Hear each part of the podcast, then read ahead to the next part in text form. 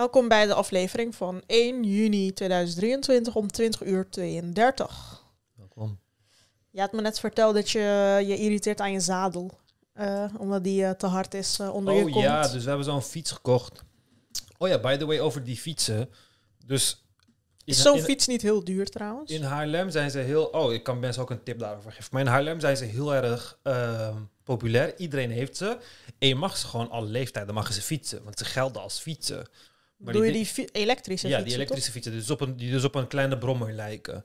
Met zo'n hele dikke banden. klei- 20 inch banden, maar dan hele dik, fat tires.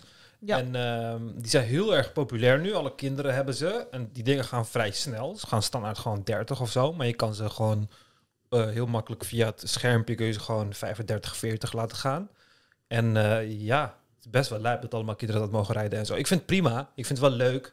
Want zeg maar, kijk, in mijn tijd was het van... Dan had je een brommer. Tenminste, toen ik nog een kind was, had je, je had fietsen met een motortje erin. Dat was een echte snorfiets vroeger. Heb, ken je die ooit? Heb je die ooit in je buurt gehad? Gewoon een echte fiets. En dan bij de ketting daar was er een kleine motor zat erin. Volgens mij wel. Dat was vroeger, geld dat, gelde dat gewoon als een snorfiets. Dus die had je in mijn jeugd. Ik heb nooit daarop gereden of zo. Maar toen ik 16 was, dan was jouw volgende optie qua vervoersmiddel... was dat gewoon een scooter. Mm. En dan de meeste jongens, dan dat hun eerste ervaringen met motoren en dat soort dingen. Zeg maar de vorige generatie, die, dit gaat jou allemaal niks zeggen, maar die zaten allemaal met eh poegmotoren en dat soort dingen, poegbrommetjes en die gingen aan die motoren knutselen. In mijn tijd wa- waren het Minarelli-blokken en Piaggio-blokken. Dan ging je, weet ik veel, je Vario-ring eruit halen, nieuwe rollers zetten, nieuwe sproeier in de carburateur zetten. Misschien gooi die een 70cc erop krukas vervangen, sportuitlaat erop, allemaal dat soort dingen. Je sneller laten gaan. En door dat, omdat je gewoon een 16-jarig jongetje was, die wilde dat zijn brommer sneller gaat dan 45, omdat dat gewoon stoer is. En omdat je raced met alle jongetjes in de buurt van wie heeft de snelste brommer, dan leerde je gewoon eh, motortechniek. Je leerde gewoon van wat is een carburateur, wat is een sproeier, hoe werkt een, eh, een, eh, een, een, een motorblok, weet je. Dan leerde je dat gewoon, dan leerde je klussen. Net zoals als je een fiets had, je leerde van, hey, hoe draai je een wiel los en hoe, eh, weet je, verander je je, weet ik veel, je derailleur of, eh, of eh, hoe plak je nou een band. Het, het zorgde ervoor dat je technisch werd. En omdat nu elektrische voertuigen de overhand nemen, ik zie de jeugd steeds minder gaan voor scooters en zo, voor benzinescooters. Elektrisch is gewoon vet. Dan ga je ook dat leren. Want je leert er gewoon van omdat je eh, het hebt. Dus in plaats van dat je in die oude techniek zit, wat, wat wij- vroeger leerden, twee takt, vier takt motortjes, leer je nu dingen over een batterij en een de, eh, eh, ECU, Electrical Control Unit, en hoe de, hoe de mid-drive motor werkt of de in-hub motor werkt. En dan leer je daarmee klooien en het beter maken en dat soort dingen. En dat zorgt voor een, een jeugd die dan wat meer in het elektrische voertuigwereldje zit dan eh, in de vieze, eh, vieze olie en weet ik veel wat wereldje. Want dat, daar irriteerde ik me ook aan. Als je ging klussen aan een fiets of aan een scooter of aan een auto, krijg je altijd van die zwarte handen. Alles is vettig, alles is zo vies en zo. En elektrische voertuigen dat het schoon. Het ergste wat je kan gebeuren is dat je geëlektrocuteerd wordt. Maar voor de rest zijn je kleren wel schoon en zo. Maar ja, dus eh, wij gingen op die fiets fietsen en die, die zadel is gewoon heel klein. En hij gaat gewoon tussen je billen. En ja, ik heb geen grote billen, maar ik had al pijn. En mijn, vriendin die had al helemaal pijn. En ja, die zadel kan gewoon niet breder of zo. Dus ik, eh, ja, we hebben gisteren van 1 uur tot, ik denk, 7 uur op de fiets gezeten. En eh, ja, ik, eh, ik weet niet wat ik ga doen. Ik denk, dat ik, een, ik denk dat ik een scooterzadel ga kopen en dan die erop ga monteren op een of andere manier. Of ik, ga, ik haal die hele zadel eruit en ik laat hem gewoon verbreden en dan gewoon nieuwe stof erop naaien door een Turk of zo. Ik snap nooit welke imbecielen die zadels eh, ontwerpen. Ja, en voor wie het bedoeld is. Ja. Want ik heb ook altijd last van zadels. Daarom Ja. vond ik fietsen nooit fijn naar school. Ik had altijd pijn in mijn bil. Ja, ja. ja ik heb eh, precies dat gehad. Wij, wij gingen echt... Dus eerst... We, we hebben die fiets al wat, eh, nu een weekje of zo. Dus de eerste keer toen we erachter kwamen dat het pijn deed, gingen we... Dus we hebben zo'n memory foam kussen. Gingen we gewoon die kussen op die zadel zetten. En dan duct tapeten we gewoon die kussen vast zo aan die zadel. Dat zag er zo grappig uit. En dan gingen we op die kussen zitten. Maar dat hielp ook niet. En toen gisteren hadden we kapot veel pijn. En toen in Het de- helpt gewoon niet wat je er ook op doet. Want het is gewoon een kankerhard ding wat eh, Ja, maar- te klein is en dan, dan tussen je ding gaat. Ja, maar in dit geval, ik ging het echt analyseren en zo. En omdat het smal is, is er te veel is de drukpunt, zeg maar, de, de contactpunt is gewoon een hele kleine oppervlakte op je beeld. Ja, Dus dat dan bedoel er- ik. Het is te smal. Ja, dus dan is er heel veel gewicht. Dus wij dachten van, we moeten het breder maken of zo. Maar omdat de zadel zelf al smal is, dat maakt niet uit wat je eroverheen legt. Hij blijft even smal. Ja, precies. zeg maar. Dus wij gingen ook in een tuincentrum, heb je dan van die harde plastic matten. Eh, dat eh, is voor je knieën. Is als je op je knieën gaat, dat is echt een dom product by the way. Maar als je op je knieën gaat in de tuin, dat je dat onder je knieën kan zetten, is gewoon een plastic hard matje, zodat je knieën niet vies worden. Waarom is dat een dom product? omdat je werkt in de tuin, je knieën gaan vies worden. Ja, wat? Moet je dan plastic Waarom- creëren zodat je knieën niet vies Ja, het Draag een korte broek. Jezus. Ja. Ja, maar het doet toch ook pijn aan je knieën? ja, ik bedoel, het is de natuur. ik bedoel, als je, als, je, als je knieën op het aarde gewoon kut vindt, dan moet je gewoon niet tuinieren. Nou, Of dan moet je het een handige uitvinding. Of dan moet je gewoon door je knieën gaan in plaats van op je knieën te, te leunen. Maar ja, had ik gewoon zo'n ding gehaald voor 1,50 euro of zo. Dus ik heb hem ook niet gehaald waarschijnlijk. En toen ging ik daarop zitten, maar nog, ik heb nog steeds pijn, fucking veel pijn aan mijn stuitje gewoon. Nog steeds. Maar met zadels heb ik dat probleem ook. Toen ik ging fietsen naar Malta, ging ik daarom ook voor een goede, goede zadel kiezen. Je ging eh, fietsen naar Malta. Ja, van Italië naar Malta, zeg maar. Ik ging van. Italië naar Malta fietsen. Maar eh, omdat, eh, omdat ik toen al merkte van... oh ja, je kan niet echt lang op deze fietszadel zitten, want het doet pijn. Ging ik... ehm, Waarom komt niemand op het idee om een fucking lekkere zadel te maken? ja, die heb je. Ik had uiteindelijk gewoon een gelzadel bij de Action gehad... en die was eigenlijk gewoon prima. Gelzadel. Ja, Dus die er- heb je er nu op dan zit er gemonteerd. gel in. Nee, maar dat is bij mijn elektrische fiets vroeger. Deze Hmm. fiets heb ik nog niet gefixt. Waarom haal ik dan niet weer een gelzadel van de Action? Omdat deze, deze scooters hebben, deze fietsen hebben een speciale... Kijk, die zadel is zo, zeg maar. Ja, ik heb de monitor niet aangesloten. Die zadel is zo. Dus- Zo smal. Ja, dus het is een soort van motorzadel. Dus Ja. je kan een normale fietszadel, die kan je er niet op aan vastmaken natuurlijk. Dus je hebt, maar je zit gewoon vast aan dat model. Want er worden geen andere modellen voor gecreëerd. Maar mensen die zo'n fiets willen halen, vooral voor een ik, ik, ik was echt verbaasd in Haarlem, want die dingen kosten gewoon 2500 euro of zo. Zijn gewoon van de prijs van een scooter. En kinderen hebben ze gewoon. En dan meerdere kinderen in dezelfde familie hebben ze dan. Denk van, jezus Ja, het zijn gewoon hele rijke families. Ja, precies. Maar je hebt er echt veel in Haarlem. Maar Weet je wel hoeveel een bureau kost? Ik zie hier mensen van de middelbare school met een bureau rijden. Ja, precies. Maar eh, voor mensen die ze willen, dus dit is het hele idee. Al die fietsen, al die fietsen worden gemaakt. Tenminste, kijk, dit model is begonnen met de Super 73. Eh, dat heeft, die heeft het model bedacht, het is een Amerikaans bedrijf en zo. Toen is dat geïntroduceerd in Europa. Heb je Europese merken gehad, zoals de Fat 4 en dat soort dingen. De Eh, Van Moof, toch? van Moof? Nee, Van Moof is gewoon een echte elektrische fiets. Maar ik bedoel dit model. Oh, dit de motormodel, zeg maar. Ehm, en nu worden ze allemaal in China gemaakt. Dus je lokale, ehm, je lokale fietshandel die deze dingen heeft liggen, al die dingen die daar zijn, zolang het geen Super 73 of een Fat 4 is, zijn ze in China gemaakt, allemaal. En wat heel veel bedrijven dan doen, al die verschillende merken die je in Nederland hebt, zijn gewoon rechtstreeks uit China besteld. En dan plakken ze een sticker erop en dan is het dat merk. En dan verkopen ze het voor twee keer de prijs. En het is serieus twee keer de prijs. Want je kan deze, die nu gewoon overal, eh, die wij hebben, die overal in alle winkels gewoon 2500 euro kost. Die kun je gewoon rechtstreeks binnen Europa, want Chinezen hebben ze allemaal geïmporteerd in Tsjechië, Duitsland en Spanje. Kun je ze gewoon binnen Europa gratis verzonden voor 1200 euro halen. Dat is de helft van de prijs. Het is Waar exact kun je dat halen? gewoon op het internet. Ja, bijvoorbeeld, dit is de. Want dan moet je gewoon het Chinees. Dus ik, je moet gewoon het Chinese model vinden. Want er is dan een model in Nederland en die heet dan.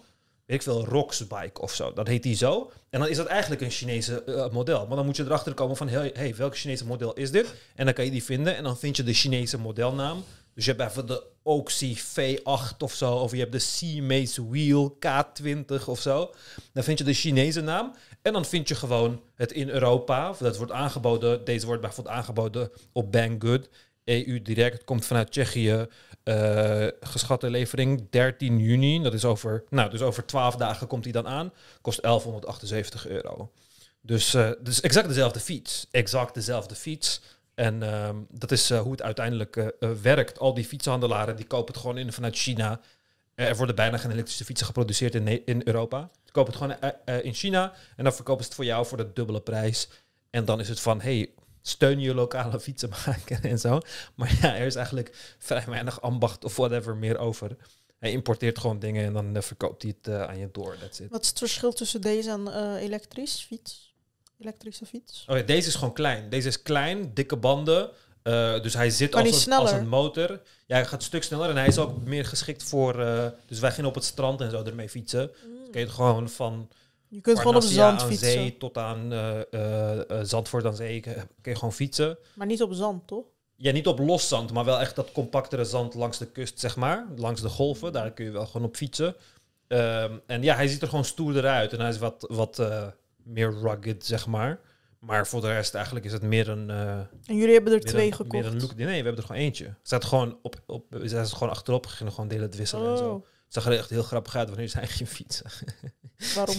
Omdat zij is 1,54 of zo. En dan fietst zo'n, lijkt op een klein kind zo. En dan zit ik daar met mijn twee meter erachter zo.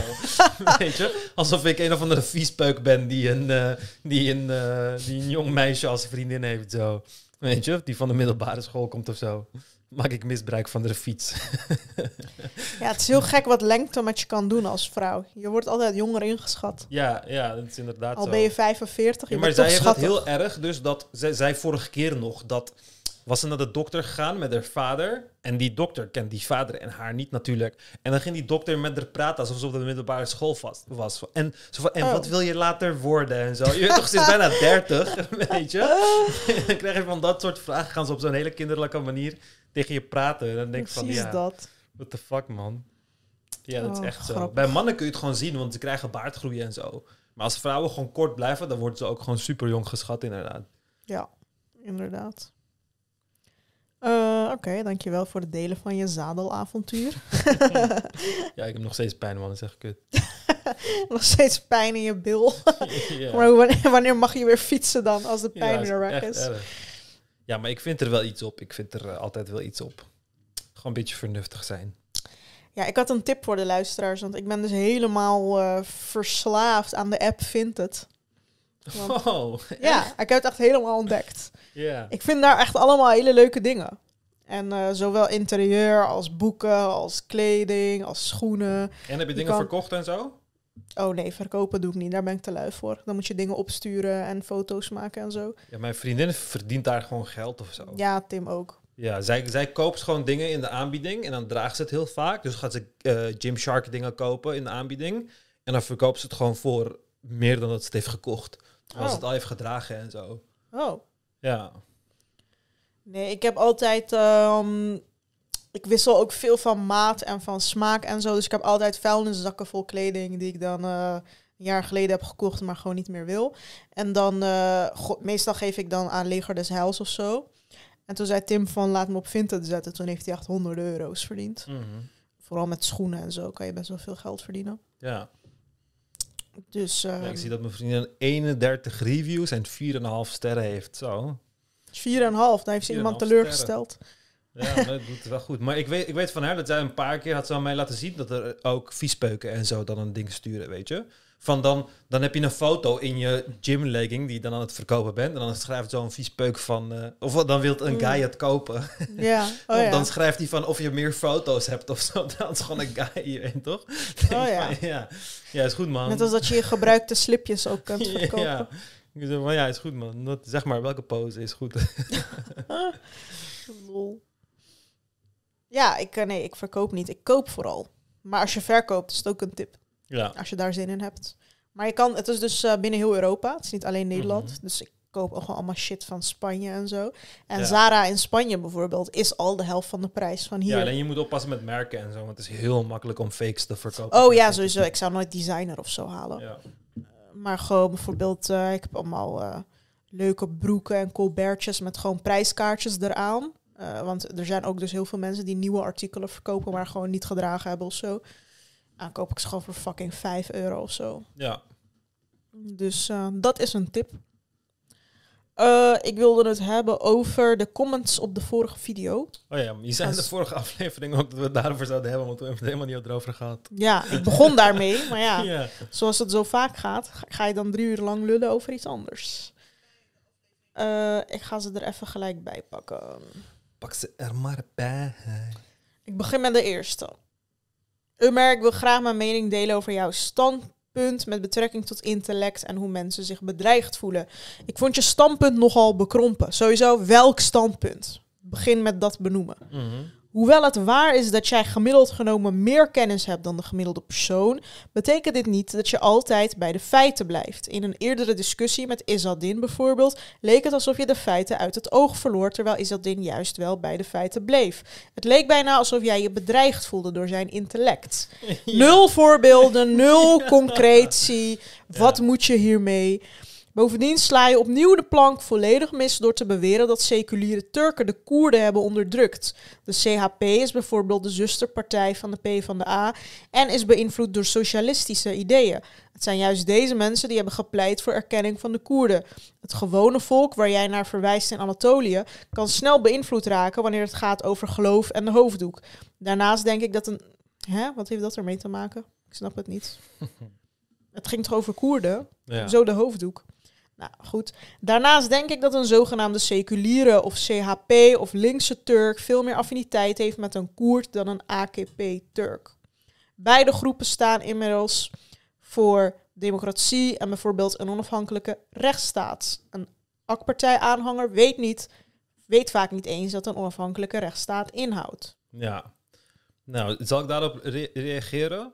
Nou, Ehm, ik, ja, zie, dat- oh, ik zie al dat je hebt gereageerd. Ja, dat ik niet bij de feiten blijf en zo. Benoem, als je, kijk, als je dat zegt, benoem het gewoon. En Benoem een nog- concreet voorbeeld. Sterker nog, ik zit gewoon in de groep. Ik zit gewoon in de groep. Je kan gewoon op die link klikken. Je kan gewoon direct met mij communiceren en mij gewoon vertellen precies wanneer ik niet aan de feiten en zo zit. Weet je? Mm. Kan je mij kan je precies Of je kan een DM op Instagram sturen. ja, precies. En ook nog van ehm, eh, hoe mensen zich bedreigd voelen. Ik vond je standpunt nogal bekrompen. Ik, ik vertel gewoon een ervaring. En dat, is, dat haat ik van het vertellen van deze ervaring. Want ik ging ook na die ervaring, ging ik mezelf expres kleineren. Toen zei ik van, ja maar kijk, ik heb niet voor carrière gegaan of voor familie of weet ik wat. Ik heb al die dingen niet. Dan, dan voel ik me genoodzaakt om mezelf erbij te kleineren.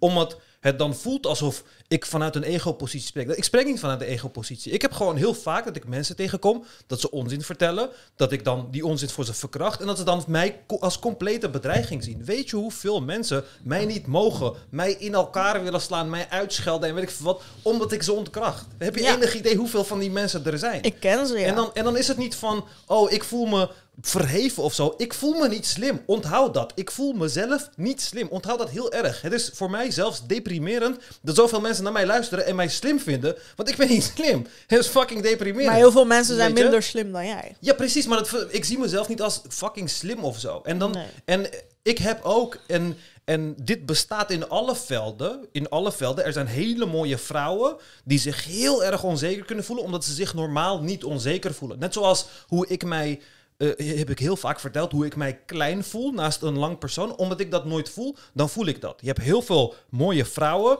die nog nooit hebben gevoeld, die altijd vol zelfverzekerdheid zitten, maar eigenlijk hebben ze geen zelfverzekerdheid, zodra er een vrouw is die mooier dan ze is. Net zoals mannen die fucking gespierd zijn, voelen zich de grootste van de wereld, totdat ze naast iemand staan die veel gespierder is. Dan zeggen alle bodybuilders, oh, ik voel me klein eh, onder jou. En dat zijn gewoon dingen die gebeuren. En die dingen kun je gewoon... eh, eh, benoemen, maar zodra het over intelligentie gaat of zo, dan is het opeens, ja, dan ben ik gewoon een of andere narcist of zo. Maar dat is gewoon niet zo. Het is gewoon letterlijk niet zo. Ik ken mezelf heel erg goed en ik weet ook wat de dingen zijn waar ik mee worstel. En wat de dingen is waar ik niet mee worstel, is dat ik denk dat ik de slimste van de wereld ben of zo. Ik bevind me in genoeg, in genoeg omgevingen waar ik de domste ben en constant geconfronteerd word met hoe dom ik ben. Want ik zoek dat op, constant letterlijk. Ja. Dus dan om dit te horen, denk ik van. Want ik denk ook dat dit is van. Ik heb gewoon iets gezegd wat je niet leuk vond. Want dan is dit bijvoorbeeld kritiek. Maar lees het terug. Ik heb het bij meerdere mensen gezegd. Lees het terug. Want uiteindelijk reageer je niet op mij. Het is emotioneel. Je Ja. reageert niet op iets wat Er ik is heb gezegd. nul argumentatie. Precies, precies. Ook hier ook, met het hele stuk over de CHP en weet ik veel, wat, kom je met ja, maar de CHP nu en dit en dat. Ik heb het nooit gehad over nu. De CHP is een partij van Atatürk. In de tijd van Atatürk opgericht. Het is Atatürk zijn partij. CHP heeft tezamen met Atatürk gezorgd voor de Turkificatie van Nederland en de eh, van Turkije. En de Turkificatie van Turkije hield in dat alle eh, cultuur en taal en dat soort dingen van de Koerden en van de Armenen en van de wie ook verloren moest gaan. Het moest vernietigd worden. Het mocht niet plaatsvinden omdat iedereen Turk moest worden. En dat is onderdrukking geweest. En ik heb in die hele aflevering ook gezegd dat seculieren er enorm veel moeite mee hebben om te accepteren dat het ook klootzakken zijn geweest. En dan het enige wat je hier doet is bewijzen dat je precies de persoon bent waar ik het over heb. Mm. Want je, je hoeft alleen maar te zeggen van ja, we hebben inderdaad slechte dingen gedaan. Klaar. Klaar. Ik heb je moeder niet uitgescholden of zo. Het is maar Atatürk. Hij heeft ook slechte dingen gedaan. Hij is geen god. Je kan gewoon accepteren van. Je kan zelfs wegzetten. Je kan het zeggen van ja, het waren vroegere tijden, maar we hebben inderdaad slechte dingen gedaan.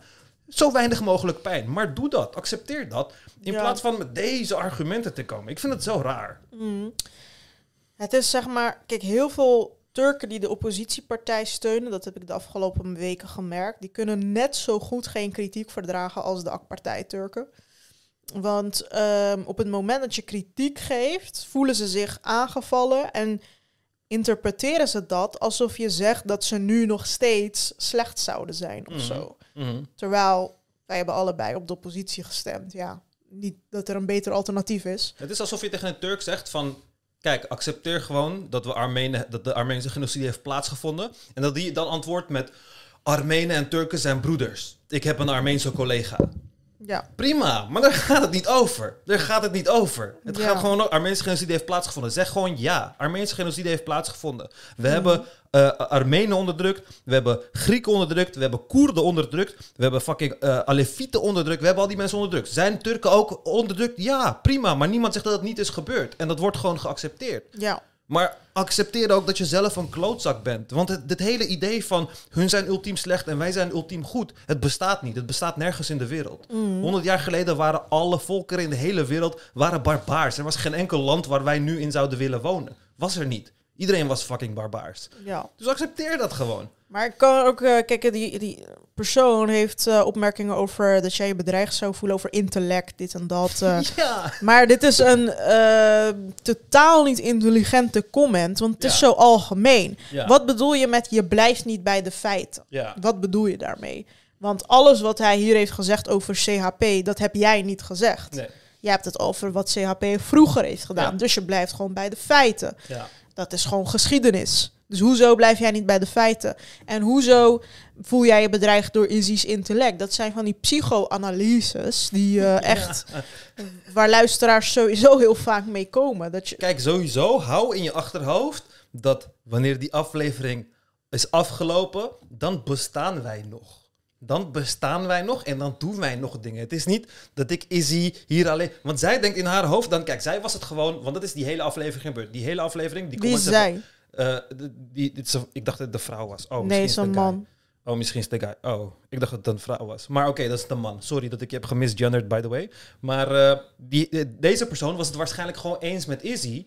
En dan ben je het oneens met mij. En dan kies je ervoor om het zo te interpreteren. En Ja, we hebben die... Maar geef dan voorbeelden. Ja, maar we hebben die comments onder die aflevering gelezen. En letterlijk een deel van de mensen zei dat over Izzy. Van Izzy, die discussieert gewoon om te discussiëren. En hij spreekt zijn eigen punt tegen. En een deel van de mensen zei het ook over mij. Het is Mhm. even en weer gebeurd. En dat heet een meningsverschil. Dat is hoe dat werkt. Ja, maar, je- interpretatie. maar deze persoon denkt nu van... Hey, Ummer weet normaal wel dingen. En dit overkomt me echt fucking vaak. Zo van, Ummer weet wel veel over dingen.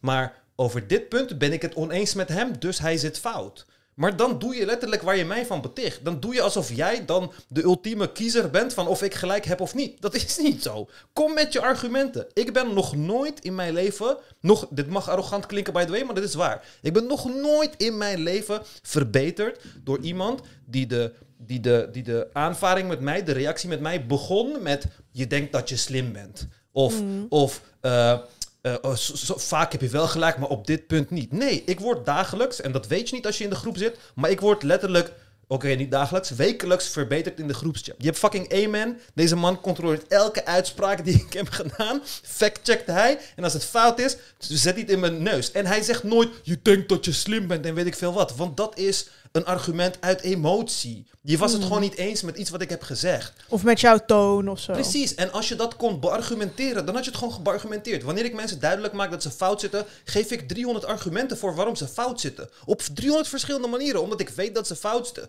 Niet omdat ik voel dat ze fout zitten. Anders zeg ik gewoon van, ja, je zit fout, je bent kankerdom en dan, de, dan de- eh, eh, eindigen, eindigen we de podcast. Maar zo werkt het niet. Je Ja. hoort argumenten te leveren. Is Maar over eh, Turken die de oppositie steunen, kan ik me ook heel erg eh, irriteren. Want ik luister bijvoorbeeld ook zo'n podcast die, ehm, die heeft ook gewoon op de oppositie gestemd. Maar hij zegt, ik voel me totaal niet thuis in die groep. Want ze kunnen gewoon geen kritiek verdragen. Letterlijk, de oppositie heeft ervoor gezorgd dat de AK-partij weer heeft gewonnen. Dat zeggen mensen ook. Ja. Door zo'n natte dweil als leider te nemen, waar, waarvan iedereen echt kon weten van die gaat geen stemmen krijgen van de rechtsconservatieve Turk. Gaat hij gewoon niet doen. Hij heeft geen charisma. Hij is een alefiet, weet je wel. Dit zijn gewoon vaststaande feiten. Ja. Eh, ze eh, kijken neer, eigenlijk nog steeds, op de conservatieve landgenoot van hun. En ze weigeren gewoon om die serieus te nemen, waardoor we nu nog vijf jaar zitten met de AK-partij. Ja. Gewoon eigenlijk door de keuzes van de oppositie. Doordat ze gewoon weigeren in te zien, Mm. dit is geen leider. Kılıçdaroğlu is geen leider. Ja. Voor Turken niet. Ja. Voor conservatieve Turken niet. Ja. En je hebt te dealen met dat dat jouw landgenoten zijn en dat ze in de meerderheid zijn. Ja. Je moet hun naar de mond praten. Maar daarom Dat heb je ook je hebt die hele splitsing van oh wij, meer mensen moeten op dit stemmen. En iemand zei in de groep ook van Turkij's enige probleem is Erdogan en zijn aanhangers. En toen dacht ik van ja, maar zijn aanhangers is zeg maar het helft van het land. Dat, Ja. dat kun je niet als probleem bestempelen, want je gaat met die Je mensen moet ermee samen- dealen. Precies, je gaat met die mensen moeten samenleven. Dat Ze moet. zijn onverbeterlijk en je moet ermee dealen. Maar daarom, de Turkse psyche is ook... Want dat hebben we jarenlang gedaan. Dat hebben we jarenlang gedaan. De Turkse ding is ook van... We houden niet hiervan, dus we gaan het met de grond gelijk maken. We gaan het vernietigen. We willen Ja. geen Grieken in ons land. We willen geen Armenen in ons land. We willen geen Koerden in ons land. We gaan het met de grond gelijk maken. Het heeft nooit gewerkt. Het heeft Ja. nooit gewerkt. En nu is het weer van... Oh ja, en deze Turken en dat moeten we... En dit moeten we weer... En dat moeten we verbieden en dat verbieden en dat verbieden. Dat kan niet. Dat kan niet. Dat ga je gewoon nooit kunnen in zo'n land. Er is geen enkel ontwikkeld land op aarde. Geen enkel ontwikkeld land op aarde dat ontwikkeld is geraakt door te doen aan massadeportaties of te doen aan massamoord of te doen aan het verbieden van dingen. Het is nog nooit ge- ge- gelukt. Je hoort gewoon, eh, je hoort gewoon al die mensen hetzelfde gevoel, het gevoel te geven dat je om al die mensen evenveel geeft. En dat bestaat niet in Turkije. Want je hebt gewoon het hele systeem van deze geven om deze mensen en deze geven om deze mensen. En iedereen zit daarin vast. ja. Je moet gewoon een sterke leider hebben die die twee groepen allebei tevreden kan houden. En ja, Weet je wat Turken niet kunnen? Pragmatisch denken en polderen. Ja. Dat, dat kunnen ze niet. ja. Dus wat er nu gebeurd is, ze hebben verloren. En AK-partij is nog vijf jaar aan de macht. Economie gaat nog meer naar de kanker. Heel Mhm. veel dingen gaan nog meer, nog slechter worden. Maar in, wat je ziet bij de oppositie is, ze hebben geen spijt. Ja. Ze hebben boosheid. Ja. Dan gaan ze weer AK-partij mensen uitschelden. Ja. Weer door jullie. Door aardbevingsgebied. Door buitenlanders die in het buitenland stemmen. Ja. Nee, het is ook door jullie. Ja. Het is ook door jullie. Jullie hebben een fucking natte dweil als leider waar de meeste Turken niet op gaan stemmen. Accepteer dat. Denk pragmatisch. Denk gewoon, wij- hoe kunnen wij de stem van de conservatieve Turk die ook ontevreden is over Erdogan, hoe kunnen we die winnen? Die win je niet met een Kılıçdaroğlu die Ja. eh, voor de verkiezingen, eh, weet ik veel, naar, de, naar, naar het graf van Atatürk gaat. En die op een gebedskleed staat en daar niet op terugkomt. Die geen sorry kan zeggen daarover. Ja. Daar win je het niet mee. Ja. Je moet gewoon Imam Olu, de, de, de- ja, Je hebt hele zo'n type. Je hebt hele an- ik, ik sprak met een, eh, een Nederlandse vriend. Dus een Nederlandse vriend die soms echt ziekelijk eh, positief is. En hij zei iets tegen me en ik dacht van wow, geen enkel Turk zou het op die manier bekijken. Hij zei zo van, ja maar Erdogan heeft toch minder stemmen gehad dan ooit? dacht ik zo van, oh ja. Ze zo van, die oppositie heeft toch meer stemmen gehad dan ooit in de laatste twintig jaar? Ja, maar ze hebben het, ver- ze hebben Ja, verloren. ze hebben het dus wel verloren, maar ze hebben de meeste stemmen gehad ooit. Ja, ik weet het. Maar het gaat tegen het narratief in van Turkije wordt steeds conservatiever de laatste twintig jaar. Nee, maar dat, dat, dat zegt niks over conservatiever worden of niet. Want heel veel mensen zijn gewoon ontevreden over de economie en daarom Ja, ja, maar ze. daarom zijn ze wel bereid om op de oppositie te stemmen. Ja, en dat is omdat ze wel- puur van Erdogan af willen. dat wil niet zeggen dat ze niet conservatief Maar dat zijn. is best wel een grote verandering. Want nog nooit hebben zoveel mensen op Kılıçdaroğlu gestemd als nu. Ja. En dat is best wel een achievement. Tuurlijk, het heeft En- gefaald. Het heeft gefaald. Dan is het nog zuurder dat ze verloren zuurder. hebben. Ja, maar het is zuurder, maar het hoort jou wel soort van... Ja, want uiteindelijk heb je dat nodig. Je hebt positiviteit nodig, zodat je een beetje kracht kan hebben om de volgende vijf jaar nog vol te houden. Maar uiteindelijk is Kılıçdaroğlu wel dichter bij de finishlijn gekomen dan wie dan ook in de laatste twintig jaar. Ja, zeg Weet dat je? maar aan jongeren die nog vijf jaar Ja, en daarom, eh, en daarom moet je dan die emotie omzij zetten en, dan, en het op die manier bekijken. Want anders ga je vast in die dal der verdoemenis waarin je denkt dat over vijf jaar iedereen een boerka draagt in Turkije en zo, weet je. En dan, dan gaat het er juist voor zorgen dat je geen politieke motivatie meer hebt en dat inderdaad al die jongeren die dan zich nu hebben sterk gemaakt, al die eh, moed verliezen en die energie verliezen om dat te doen. Je moet gewoon positief houden. Ik Ja, maar bedoel, het is ook moeilijk om iets positiefs te houden als je al twintig jaar... Ja, maar wat moet je doen? Moet je het land weggooien? Ik bedoel, eh, ja. Nee, maar heel veel mensen kiezen ervoor om weg te Ja, gaan. ik bedoel, eh, als, als Amerika al die jaren Trump heeft overleefd, weet je, los van schreeuwende mensen op het Maar aan Amerikaanse verloren. economie ging niet zo ja, fataal, toch? ja. ja, maar ja. Ja, ik weet echt niet wie het ooit gaat kunnen fixen. Maar kijk, uiteindelijk is het gewoon belangrijk voor de Turken om te doen aan eh, verantwoordelijkheid bij jezelf en je omgeving zoeken, zeg Mm. maar. En voor Vooral dat. En veel- gewoon zeggen, we hebben gefaald. Ja. We moesten niet hem als leider... ja. Want eerst voor de verkiezingen zeggen ze... nee, hij gaat sowieso winnen, hij gaat sowieso winnen. Dan kunnen ze niet tegen hun verlies. En dan gaan ze schelden op aardbeving mensen of Erdogan-aanhangers. Maar jij hebt ook gefaald door de verkeerde leider te kiezen. Door je partij niet...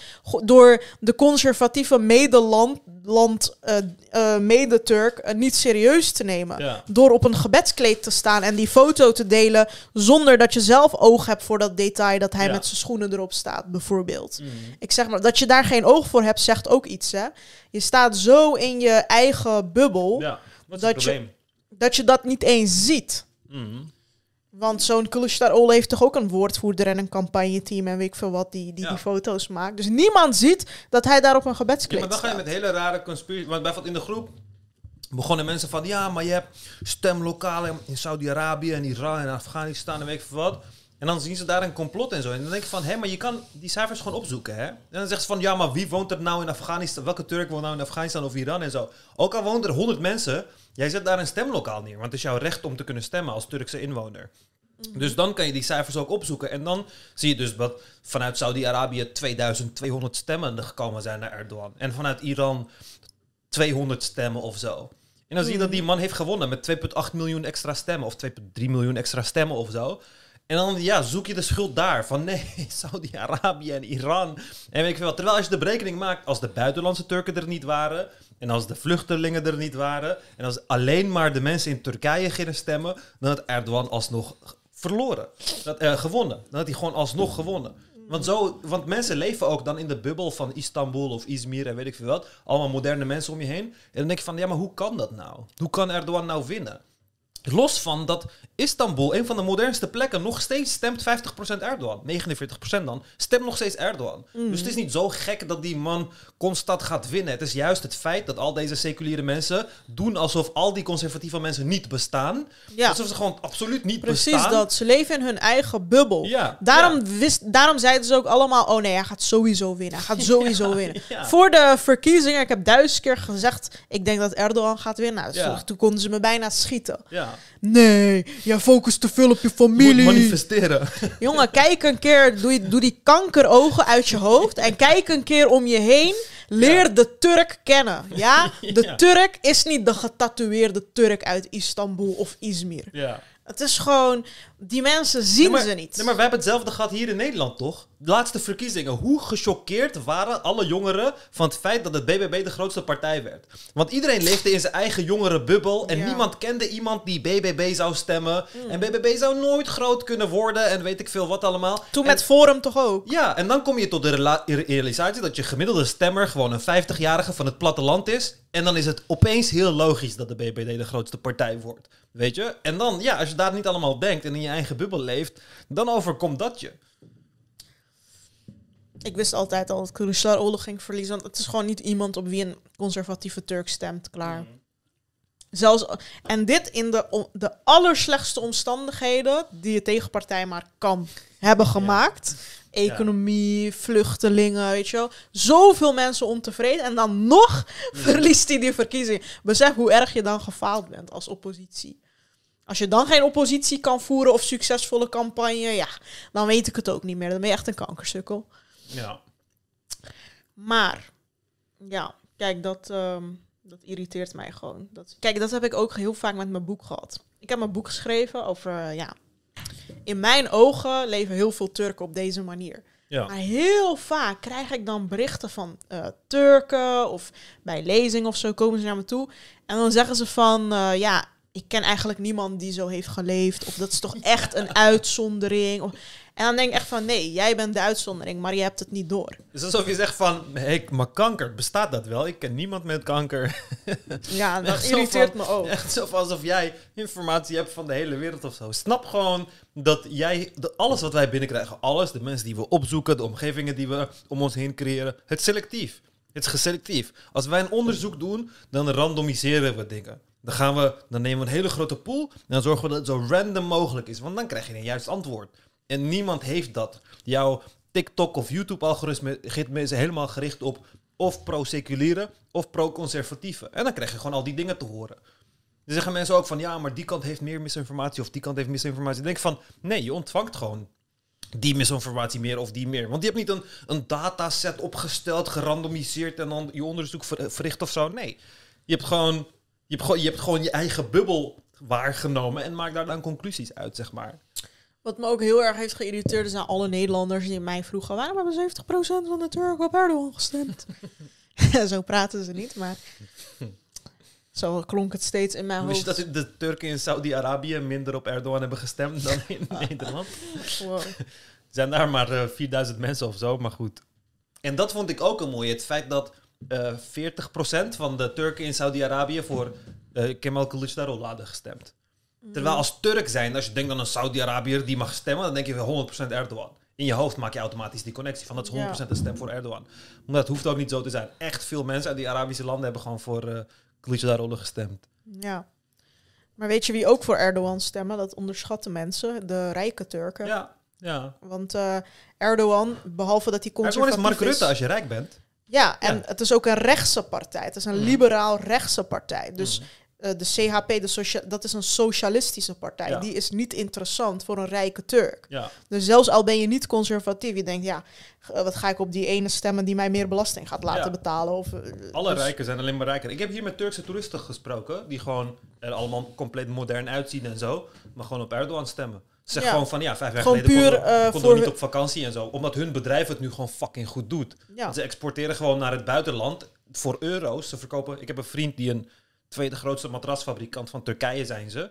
En ja, ze verkopen niks meer in het land zelf. Ze verkopen Mm. alles in Europa. Want als jij betaald krijgt in euro's, is dat gewoon veel meer geld. Je kan leven als een koning in Turkije als jij dingen verkoopt naar, naar het buitenland, zeg maar.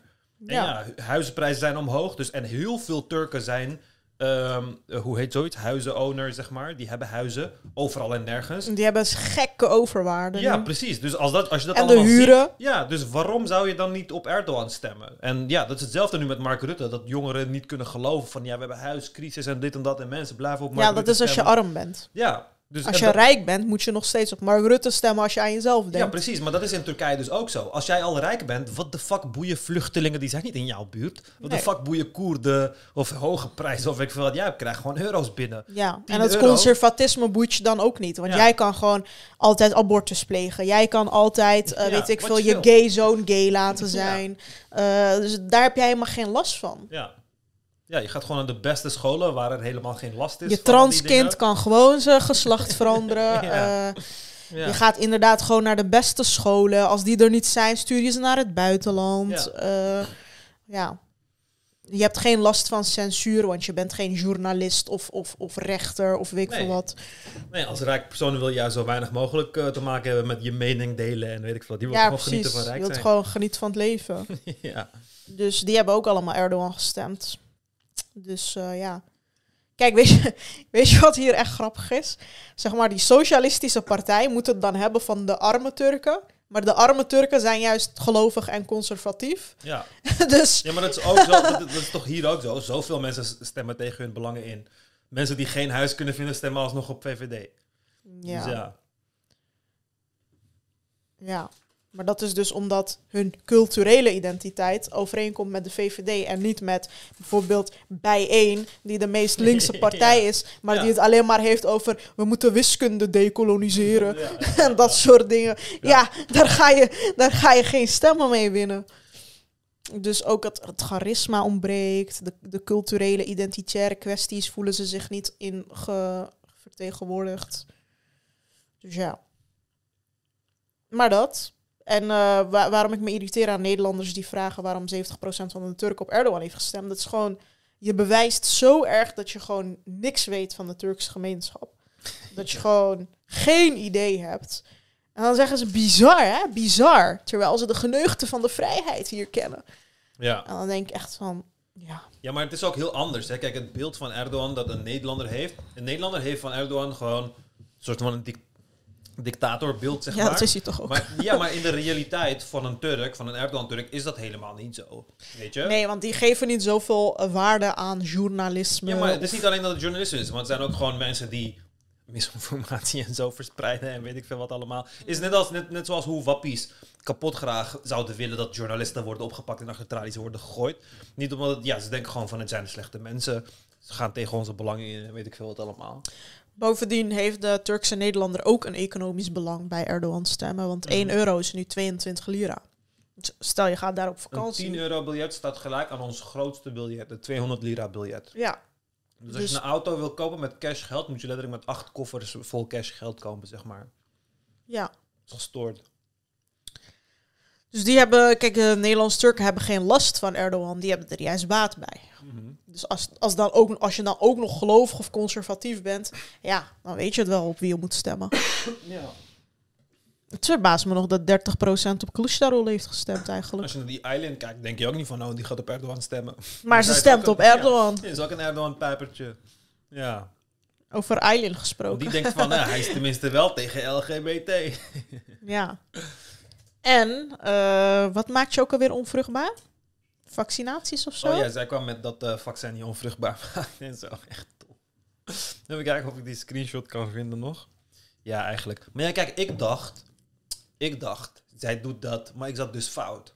Ik dacht, zij doet dat gewoon omdat het veel scoort of zo. Maar ik kwam er dus achter, ik ga haar vader niet exposen of zo. Maar de vader basically, tijdens het begin van de pandemie, begon hij op LinkedIn. Want LinkedIn is echt een misinformatie. LinkedIn is echt een nieuwe Facebook of zo geworden. Man. Echt? Het is echt gestoord. Ik ben er Maar- nooit op. Die vader begon dan in het begin van de pandemie echt de lijpste conspiracy theories. Maar Ja, ook de meest domme. Zo van, als je corona in Google Translate zet... en dan spaties ertussen zet... en dan vertaalt naar Latijn... dan staat er groot plan of zo. Weet je? Echt zo van die gestoorde. Hij kwam ook zo met...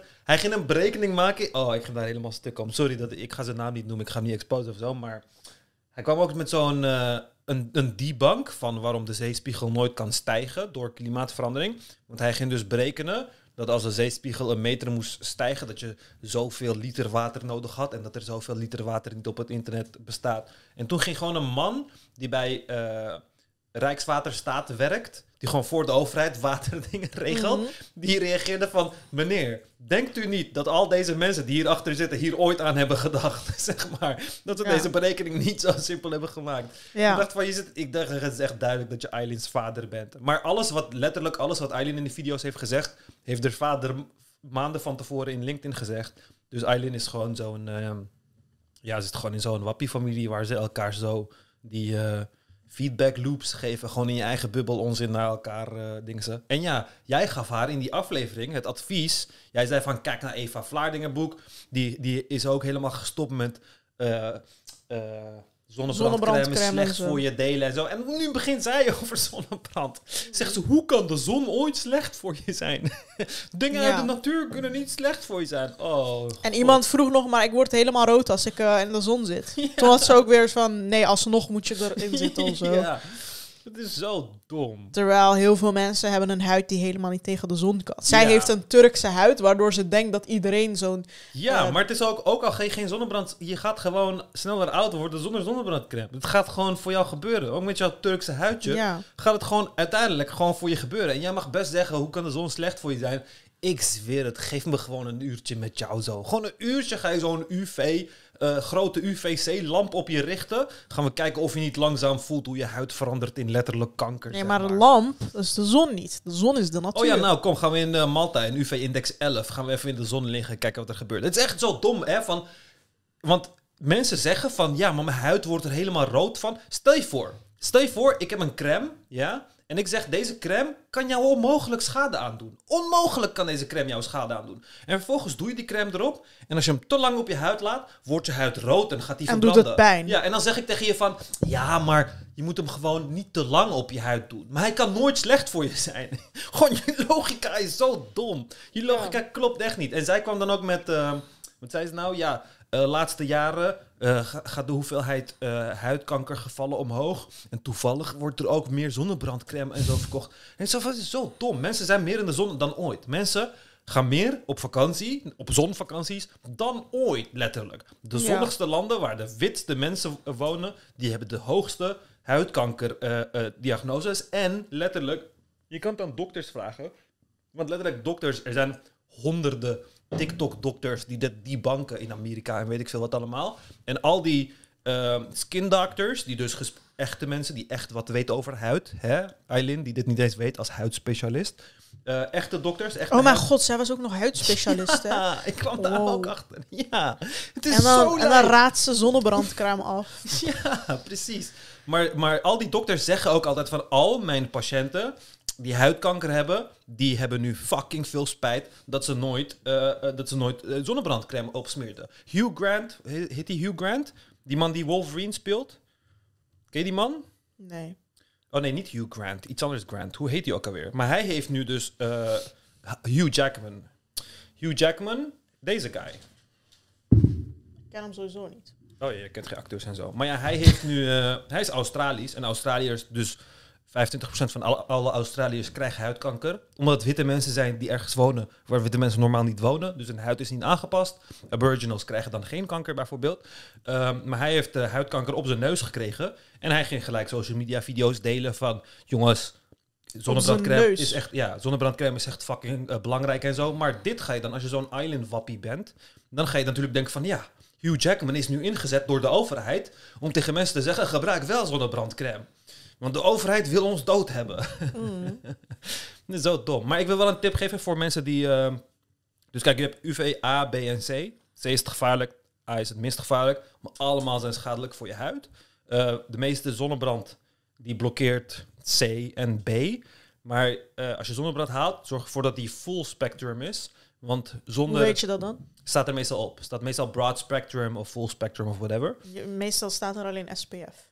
Ja, je hoort ook broad... Als het broad spectrum is, dan staat het erop. Of je kan er naar zoeken, maar je kunt het gewoon vinden. Het staat er meestal wel op als het broad spectrum is. Uh, maar dat blokkeert dus alle drie. Want UVA zal jouw huid niet verbranden, maar zorgt wel voor het feit dat je... Het zorgt wel dat je uh, huid ouder wordt, zeg maar. Mm. Daarom ben je ook niet compleet resistent tegen photo-aging, noem je dat. Zou Eileen op de uh, opleidingen moeten hebben geleerd. Photo-aging heet dat. Um, de, dus ouderdom door foto, dus door uh, licht, zeg maar.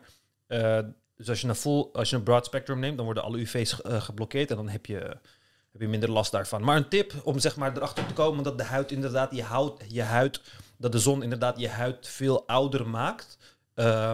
Altijd, ik had die foto destijds laten zien in die podcastaflevering met die man wiens gezicht aan de ene kant gerimpeld was en aan de andere kant niet, omdat daar de zon was. Heb je in auto dingen ook zo. In alle landen waar uh, de stuur aan de linkerkant is, zijn mensen hun rechterhand is altijd, kijk bij je oma en opa, de rechterhand is gerimpelder dan de, dan de linkerhand is gerimpelder dan de rechterhand. In Engeland is het precies andersom, want ze aan de andere kant van de auto zitten. Uh, en uh, als je ooit, dit gaat de meeste mensen niks zeggen, maar als je ooit een naakte bejaarde persoon hebt gezien of met ouderenzorg hebt gewerkt, kijk naar billen van bejaarde mensen. De billen van bejaarde mensen zijn perfect. Er is geen rimpel, niks, nergens. Omdat de billen het stuk huid zijn die nooit, maar dan ook nooit zon ziet. Letterlijk nooit. Weet je, dus daar heb je bijna, daar heb je helemaal geen zonschade. Dus je billen, het huid op je billen is hoe je, dat ga je pas merken wanneer je ouder bent, is hoe je huid had kunnen zijn op die leeftijd als jij volledig beschermd was van de zon, zeg maar. Mm. Dus billen zijn altijd super glad en zo. Dat, dat, uh, als, als je jong bent, merk je dat niet echt. Maar als je met bejaarden hebt gewerkt en als je zo'n blote bejaarde kont ziet. En nu gaan mensen zich afvragen waarom ik blote bejaarde kont heb gezien. Maar als je dat ziet, dan zie je dat ze zeg maar, heel smooth zijn, heel gladjes zijn. En niet gerimpeld. Met zonnebrand kun je dus echt alle schade voorkomen. Ja, als je een broad spectrum hebt, kun je alle schade voorkomen. En ik vraag me dus af waarom ze niet gewoon. Want er, er zijn make-ups met zonnebrand erin, toch? Met zonnebrandblokker erin. Weinig. Zeg maar. Want ik zou dus eigenlijk gewoon in elke foundation zou ik gewoon een blokker zetten. Hmm. Ja, want dan heb je gewoon, als je foundation op doet, dan heb je gewoon automatisch ook gewoon... Want er zijn wel dagcremes en zo die eh, SPF hebben. Ja, meestal dagcreme. En het is dus, kijk, en je hebt twee typen zonnebrandcreme. Je hebt mineraal en je hebt chemisch. De, de, en ze hebben al ook andere functies. Het kan of de UV absorberen of kan het reflecteren en dat soort dingen. Mhm. Maar de meeste mensen gebruiken veel minder zonnebrandcreme crème dan je zou moeten. Sowieso die minerale zonnebrandcreme, die laat dus altijd zo'n witte waas over je, over je gezicht. Dat was vroeger het enige beschikbare. Ik heb Maar gewoon die van Nivea. Ben nu wel benieuwd of die brood spectrum is. Ja, je kan, je kan het checken. Maar zeg maar, vroeger had je dus als je zonnebrandcreme deed, had je van die witte vlagen over je gezicht. En dat zorgde ervoor dat veel mensen geen zonnebrand wilden, want je zag er gewoon niet uit. En toen hebben ze die chemische eh, zonnebrandcreme uitgevonden. En die is dan doorzichtig, dus dan zie je niet dat je dat op hebt. Maar het probleem is vaak bij mensen is dat ze veel te weinig zonnebrandcreme opdoen. Je moet echt Mhm. goed de instructies lezen. Ja, je moet best wel En- dikke laag geloven. Ja, en het is niet zo als jij, stel je voor je moet een bepaalde hoeveelheid gebruiken en je gebruikt de helft daarvan. Het is niet dat dan een helft beter werkt. Het werkt dan iets van 90% eh, minder goed. Dus het is niet als je min, helft minder gebruikt dat het helft minder goed werkt, maar het is als je helft minder gebruikt dat het 90 tot 95% minder goed werkt. Want het is een exponentiële schaal, het is logaritmisch zeg maar. Ja. Dus ehm, je moet echt de correcte hoeveelheid gebruiken. En vooral als je heel erg wit bent en zo. Maar eh, ik zou het elke, elke vrouw zou ik het sowieso aanraden. Maar dat, dat zie je ook, man. Ik zie het altijd bij ehm Lang Leven de Liefde. Dat gewoon witte mensen echt veel sneller oud worden. Ik ben met mijn vrienden altijd. Dan zien we zo'n chick en dan is ze 25, maar dan lijkt ze fucking oud. En dan zeggen we, hoe is zij 25, weet je? Terwijl wij dan nog 30 zijn of zo. Maar bij Ja. Nederlanders zie je het inderdaad. Bij witte mensen zie je inderdaad dat ze veel sneller... eh, Ze hebben toch ook gewoon een dunnere huid? gezichtsveroudering krijgen. Ja, dat weet ik niet. Ik, dat, dat weet ik niet of dat zo is. Maar ik weet alleen dat hoe, hoe witter je bent, dus sneller je gaat zien dat je... Daarom, kijk, bijvoorbeeld Asian mensen, die zijn ook heel erg wit. Eh, Mhm. Alleen zij hebben, zijn gewoon allergisch tegen de zon. Want daar is zo wit mogelijk zijn, is een schoonheidsideaal. Ja. Dus daar gaan ze ook in de zomer gaan ze gewoon met een paraplu. En als ze gaan zwemmen, dan hebben ze zo'n burkini aan om zichzelf gewoon te beschermen van de zon. Mm. Dus eh, Ja, Mai's eh, vrouw is Thais en die eh, vindt juist bruin worden niet mooi ja. vanuit haar cultuur. Mhm. Dus zij is altijd helemaal beschermd tegen de zon. ja, ja, precies. En, maar het is sowieso goed om beschermd te zijn tegen de zon. De zon is je vriend niet. Ik weet niet waarom Eileen denkt dat de zon, dat mensen in de zon aan het bakken. Zij Ja. denkt ook dat er. We hebben letterlijk op mummies huidkanker gevonden. Letterlijk op motherfucking mummies. Het is niet zo. Kijk, er is, er is het hele idee van dat ze vroeger al deze ziektes niet bestonden en ze nu bestaan en weet ik veel wat allemaal. Maar het, is, het bestond altijd. Mensen bakten in de zon en dan gingen ze gewoon. Gewoon huidkanker. Ja, ik snap sowieso nooit het idee van, ja, maar vroeger leefden we toch ook gewoon zo. Ja, maar vroeger kreeg je het toch ook gewoon. Ja. Maar het was gewoon niet bekend. Ja, en vroeger leefde hij als wit persoon niet in een land met veel zon en dat soort dingen, weet je. Dat was gewoon niet zo erg. Ja. En er was sowieso niet het hele idee van... oh, we hebben zoveel vrije tijd dat we gaan liggen in de zon.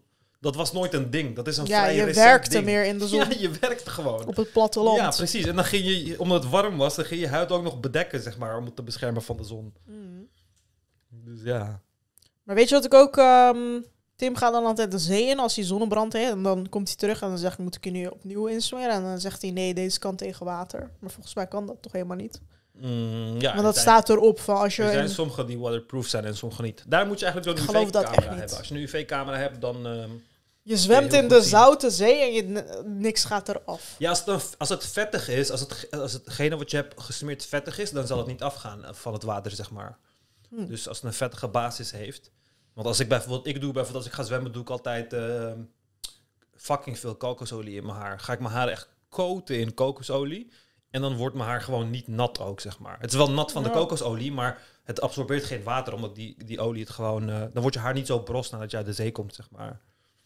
Oh, oké. Ga ik voortaan ook doen. Ik heb altijd heel hard haren aan de zee. Ja, ik maak het gewoon helemaal vettig. En dan nadat ik heb gezwommen, dan spoel ik het gewoon weer uit. En wat ik altijd doe is zonnebrand, maar dan ook die bronzing oil. Oh ja. Maar haalt dat het effect weg, denk je?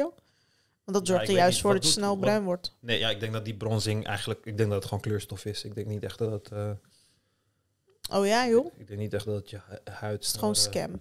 Bruin gaat maken. Ja, meestal is het gewoon verf. Ik denk niet echt dat het... eh, Nee, het is gewoon olie. Want bepaalde oliën maken het toch bruiner. In Marokko smeren ze ook olijfolie op de huid, zodat ze bruiner worden, geloof ik. Of nee, wat was het nou? Niet in Marokko. Nee, dat doen heel ja, veel... ik weet niet, maar dat klinkt, het klinkt voor mij echt heel gestoord. Want dat zij zei, oh, ze zei gewoon... Wat zij zijn al dat je kokosolie moet smeren of zo. Denk zo van, maar waarom smeer je olie op iets wat gaat bakken in de zon? Wat doet de olie? Ja, dat maakt je dus functie. bronzer. Ja, dat zou je waarschijnlijk bronzer te maken, maken door je te koken of zo, zeg maar. Ja, hoe misschien jou- juist omdat Hoe jij kijk, je hebt melanocytes in jouw, in jouw huid. Dat zijn cellen die melanine kunnen aanmaken. En dan komt UV-straling zo en dan ontstaat er melanine en dan gaat het melanine aanmaken. Maar je kan niks op je huid smeren wat ervoor gaat zorgen dat jouw huid meer melanine gaat aanmaken. Je kan alleen iets op jouw huid smeren wat jouw huid bruin gaat kleuren. Mm. Want eh, niks wat je op je huid gaat smeren gaat zorgen dat je meer melanine aanmaakt, zeg maar. Oh ja, misschien is het wel gewoon kleurstof, ja. Maar het is, ehm, is het niet gewoon zo dat hoe donkerder je bent, hoe dikkere huid je hebt? Nee. Dat dacht nee, ik eerst. Nee, nee, je hebt Dus gewoon... het heeft niks met de dikte te Nee, maken. dus als jij, als, als jij zwart wil worden, kan ik jou gewoon zwart maken. Dus er zijn gewoon uh, melanocyte-releasing hormones, zeg maar. Hormonen die ervoor zeggen... Je hebt bijvoorbeeld melan melatonan... Melanotan? Melanotan 2? Melatonan? Melatonan volgens mij 2 heet die. Dat is een medicijn die werd ontwikkeld... eh, ze probeerden te... wat Was het nou? Voor huidkanker of zo? Maar het werkt ook... eh, het increased ook de libido in vrouwen. Dus het werd ook een tijdje gemarket om vrouwen met laag libido weer een beetje geil te krijgen en zo. Wat werd zo gemarket? Me- Melanotan 2 heet dat volgens mij. Maar wat kijken. deed je daarmee dan? Maar dat is, dus een, eh, dat is dus een middel. En dat lijkt dus op de, op de melanocyte stimulating hormoon. Dat is dus het hormoon in het lichaam die melanocytes aanvakkert, zodat je bruiner wordt. En dit is gewoon een stofje die je dan kan injecteren. Dit gebruiken bodybuilders dus. Dus een stofje die je injecteert. En dan gaat het al jouw melanocytes de opdracht geven om meer melanine aan te maken. En dan word je steeds bruiner. En er zijn dus mensen geweest in de geschiedenis die verslaafd waren aan dit product. En dan zijn het gewoon witte mensen die dan fucking veel hiervan gebruiken voor een lange periode. En dan word je gewoon een zwart persoon. Oh, ja, wauw. ja, dat is best wel, best wel gek. Maar eh, ja, het is eh, heel lang. eh, het, het, dit, is, dit is echt, een, echt iets wat nooit op de markt is gekomen. Het werd onderzocht. Maar ja, dan gaan mensen research papers uitgeven en dit en dat. En dan weet je een beetje wat de structuur is van die, eh, van die, peptiden. En dan laat je het gewoon maken. En nu kan je het overal op het internet krijgen. Maar eh, wel heel gevaarlijk allemaal. Oké, ga ik terug naar de comments. Want we hebben pas Oh, ja. één comment behandeld. Oh ja, echt een ADHD-podcast dit. We gingen van comments naar Island, naar de zonnebrand. Ehm, nou, jij had op diegene al gereageerd en hij had weer daarop gereageerd. Ik wil niet overkomen als iemand die denkt dat hij alles weet en het laatste woord heeft over wie gelijk heeft of de feiten kent. Nee, dat wil je dus wel. Ja. Ik ben gewoon een neutrale toeschouwer die een analyse maakt op basis van de informatie die beschikbaar is. Ik weet echt niet wat die zin betekent. Je bent geen neutrale toeschouwer, je hebt gewoon, je hebt gewoon een interpretatie van. Nou, ik heb toen in een van die video's ook specifieke voorbeelden gegeven. In de video's gaf ik je een compliment omdat je de extremen opzocht. Je hebt een duidelijke standpunt en er is weinig ruimte voor nuance. Is dat zo trouwens? Volgens mij is dat niet zo. Volgens mij ben ik Ik vind jou nooit extreem, maar ja, ik weet maar niet. volgens mij ben ik juist best wel genuanceerd vaak hoor. Maar eh, ja. Dit zorgt voor een sterke discussie waarbij je tegenstander uitdaagt en echt het gesprek tot in detail bespreekt. Een nadeel hieraan is dat soms de feiten worden verwaarloosd. Nou, volgens mij ben jij juist wel iemand die van feiten houdt, dus ik weet het niet. Ik maakte me daar niet zo druk om, omdat ik de voordelen belangrijk vond dan de nadelen, de discussie die op dan op gang komt. Maar in deze video beweerde je dat je alle kennis hebt en dat, nie- en dat niemand het van je bewijzen kan winnen op het gebied van kennis. Dat is gewoon nooit gebeurd. Dat is gewoon, en dit is waarschijnlijk ook... Alle kennis. Ja, dat is Ook- ook nooit gebeurd. Maar dit is waarschijnlijk ook die ADHD-ding. en sorry, maar als je denkt... Ja, ik ga Izzy wel onder de bus gooien hierin. Maar Izzy heeft daarin best wel veel fouten gemaakt. Die hij daarna ook heeft toegegeven in de podcast. Dus als jij dacht dat hij compleet gelijk had en ik fout zat... Dan zit je fout, zeg maar. Maar dat is ook wat ik heb uitgelegd. Mhm. Kijk, je hebt hierin, die, in die hele tekst die hij hier heeft gedaan... Ik kwam ook met van... eh, in mijn eh, reactie had ik ook geschreven van... Kom anders, maar met duidelijke voorbeelden van momenten waarbij ik de feiten uit het oog verloor. Mm. En ik zei, maar op de een of andere manier delen mensen die nooit, als ik erom Ja. vraag. En hier heeft hij het weer niet gedeeld. Ja. Hier heeft hij het weer niet gedeeld. Dit is hier- weer algemeen. Ja, dus dit is je zoekt extreme op. Je, Ja. je verwaarloost de feiten. Eh, je bent... eh, nee, de voordelen en nadelen. Je beweert in de video dat je alle kennis hebt. En dat niemand het van je kan winnen op het gebied van kennis. Het is allemaal niet waar. En dit En is dus een emotionele uitspatting. Je was het met mij daar niet eens. En het is overduidelijk dat je geen argumenten hebt waarom je het niet met mij maar heel veel bent. mensen snappen denk ik niet wat wij bedoelen met argumenten. Ik zweer het je. Ja. Ze weten gewoon niet wat een argument is. Want dit is allemaal geen argumenten. ja. Maar dat leer je alleen bij Maar de studie alsof- Nederlands. Het is alsof zij de leraar zijn en dan gaan ze zeggen van ja, dit is fout, dit is fout, dit is fout, zonder argumenten te geven. En dan moet ik het gewoon aannemen, want jij bent dan de uit, uit- uiteindelijke beslisser van wanneer ik gelijk heb en niet gelijk heb. Zo werkt dat niet. Zo werkt dat letterlijk. Want jij hebt gevraagd om argumenten en dit is zijn antwoord. Maar dan denkt hij dus in zijn hoofd dat dit argumenten zijn. Maar dit, dit zijn gewoon he- een heleboel woorden en een heleboel interpretaties en opmerkingen die niet gestaafd worden door concrete voorbeelden, door argumentatie, Ja. door... Maar ik ken dit. Ik, ik maak dit mijn hele leven mee. Ik, ik herken deze reactie zo erg goed. Ik weet Ja. het wanneer ik mensen hun kritiek serieus moet nemen en niet serieus moet nemen. En zodra er gewoon een hele lap tekst staat, maar er staat eigenlijk niks in en het is meer een emotionele uitbarsting, Ja. dan denk ik van ja. Maar hoe kun je onze podcast luisteren en niet met argumenten komen? Ik snap dat gewoon niet. Ja, omdat Turken dat niet gewend zijn. Turken zijn emotie gewend. Turken zijn argumenten niet gewend. Ja. Turken zijn zo slecht Blijkbaar. in argumenten voeren. Bij, met Turken dan vinden ze het leuker als je zo'n gotcha moment hebt. Turken vinden het leuker. Turken zullen meer een video delen, niet van een sterk argument, maar van een professor die dan vertelt hoe dom die andere mensen zijn en ze uitscheldt en weet ik veel wat allemaal. In plaats Ja. van een fucking sterk argument. Ja, hij gaat door. Wat betreft je laatste opmerking moet ik helaas zeggen dat het simpel is. Zie, en dan heeft hij een Wikipedia-link. Er waren opstanden in Dersim die hardhandig werden neergeslagen. Dat is waar. Maar deze opstanden vonden ook plaats in het Westen.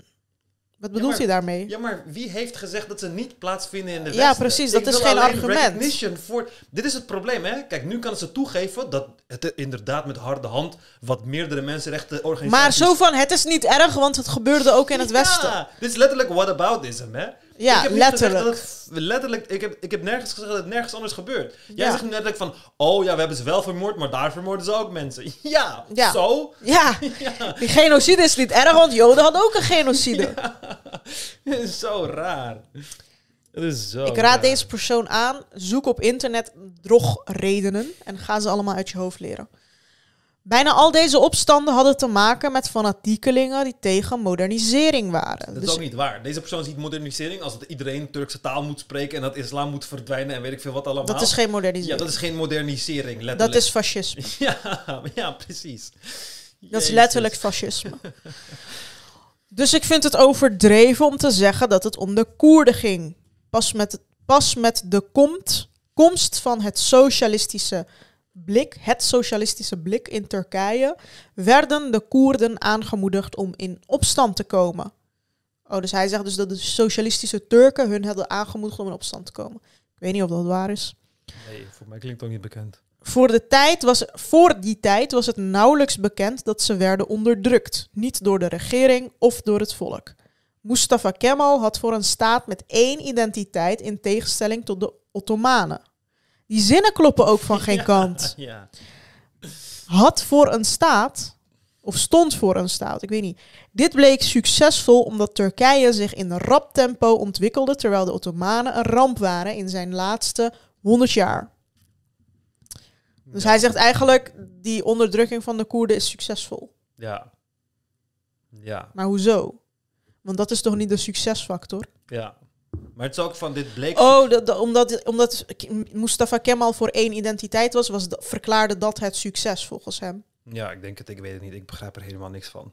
Ik, mijn hele... De ene zin heeft niks te maken met de andere, zeg letterlijk, maar. in, zijn, in zijn eerste zegt hij van de CHP heeft nooit Koerden onderdrukt. De seculiere Turken hebben nooit Koerden onderdrukt. Dan kom ik in mijn reactie van, luister, ze hebben veel Turken, eh, eh, Koerden onderdrukt. Letterlijk de Turkificatie en weet ik veel wat In allemaal. Dersim En dan zegt bijvoorbeeld. hij- ja, en dan zegt hij van, ja, dat hebben ze inderdaad gedaan, maar het gebeurde daar ook. Dat Ja. betekent gewoon dat ik gelijk had. Nee, maar dat betekent kijk. letterlijk dat ik gelijk had. Zijn eerste zin is... Die opstanden werden inderdaad hardhandig neergelagen, maar het gebeurde ook in het Westen.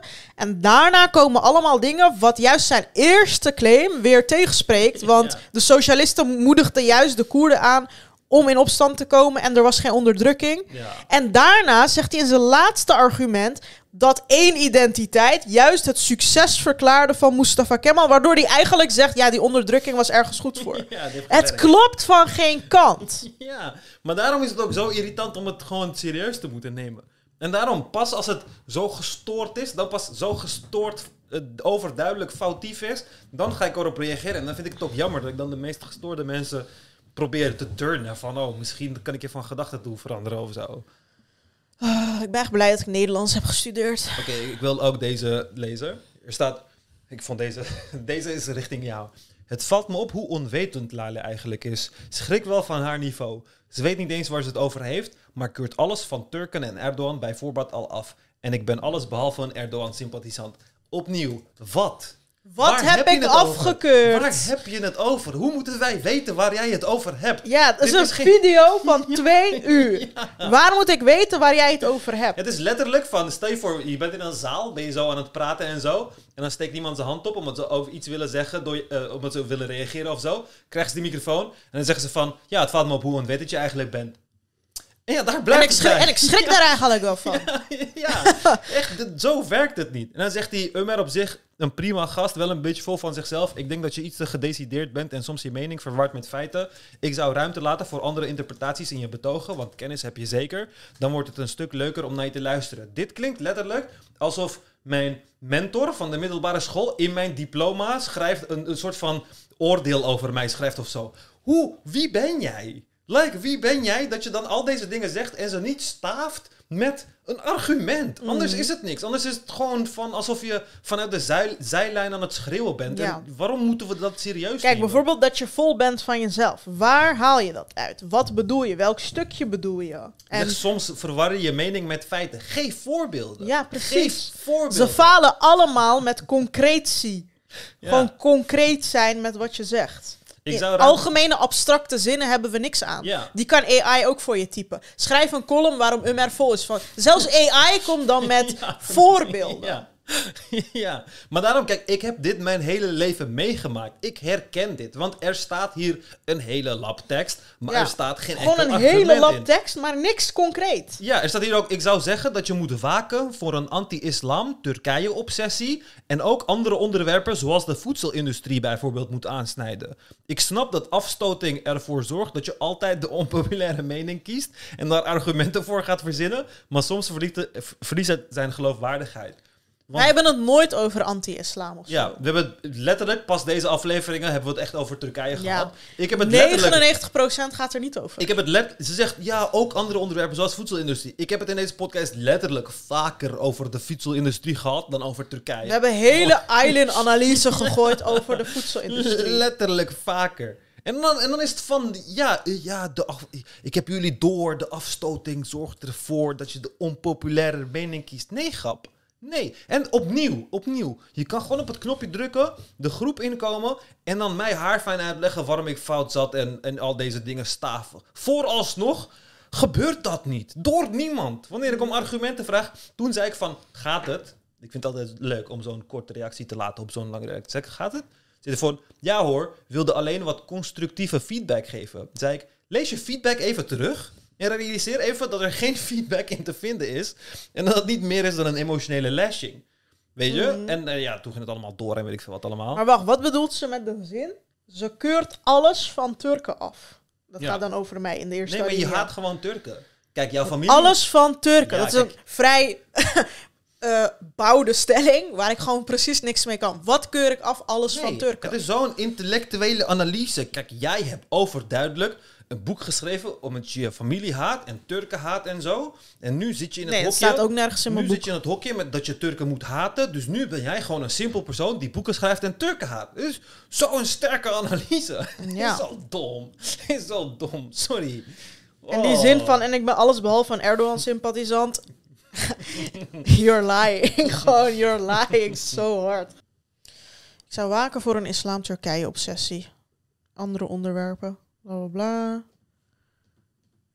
Het eerste deel heb ik met plezier beluisterd, maar toen je over Armenen en Koerden begon met dat neerbuigende toontje, ontstond er wel irritatie. Weer geen voorbeeld. Welk neerbuigende toontje? Als Ja. er iemand, als er ooit twee Turken bij elkaar een podcast gaan maken over Armenen en Koerden, ga je nooit. Oh, maar hij heeft er later op gereageerd. Ik dacht, hij bedoelde dat ik neerbuigend praat over Armenen Koerden. Maar hij zegt in die latere... Ik zeg niet dat je neerbuigend praat over Armenen en Koerden... maar over Turken die de genocide niet accepteren. Oh, Dus wacht, dus wacht. Omdat ik kritiek heb op Turken die een genocide niet accepteren... Ja. ben ik neerbuigend op die Turken. oh my god. Dat is zeg maar letterlijk... Victim eh, Dat is letterlijk- hun. Dat is letterlijk alsof je Holocaust eh, deniers, alsof je kritiek hebt op Holocaust deniers, en je dan Holocaust deniers gaat verdedigen van, ja, niet zo neerbuigend doen op Holocaust deniers. Ja. Is zo dom.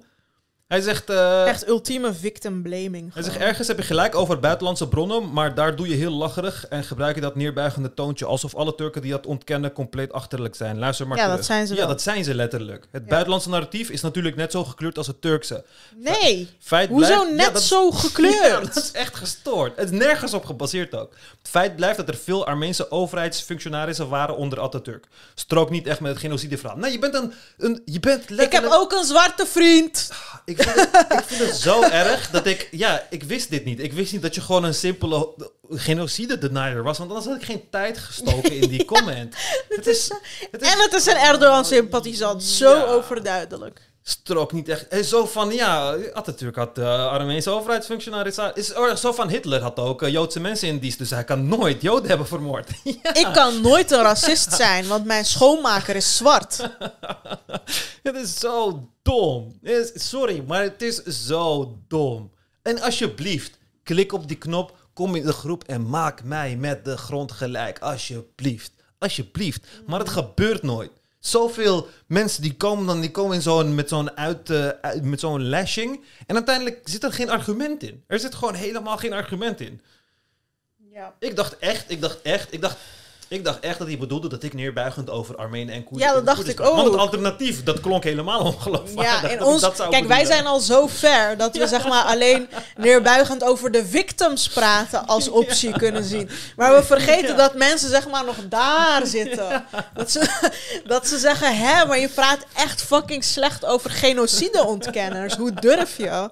Zo raar. Jongen, nu snap ik echt waarom altijd Armenen schrikken als ik zeg dat ik Turk ben. Ja, man. Het is zo gestoord. Gewoon als dit, deze Turken al zeg maar onze podcast-luisteraars zijn, die je dan hoog moet hebben zitten of moet zo. je voorstellen dat wij gewoon eh, meermaals meemaken. Ik maak het van Koerden mee, ik maak het van Armenen mee. Dat wij gewoon meermaals krijgen, DM's krijgen van dank jullie wel dat jullie hier aandacht voor schenken. En dat het voor hen heel vaak de eerste keer in hun leven is Dat een Turk- Turk dat zegt. Die verantwoordelijkheid neemt. De eerste keer in hun leven.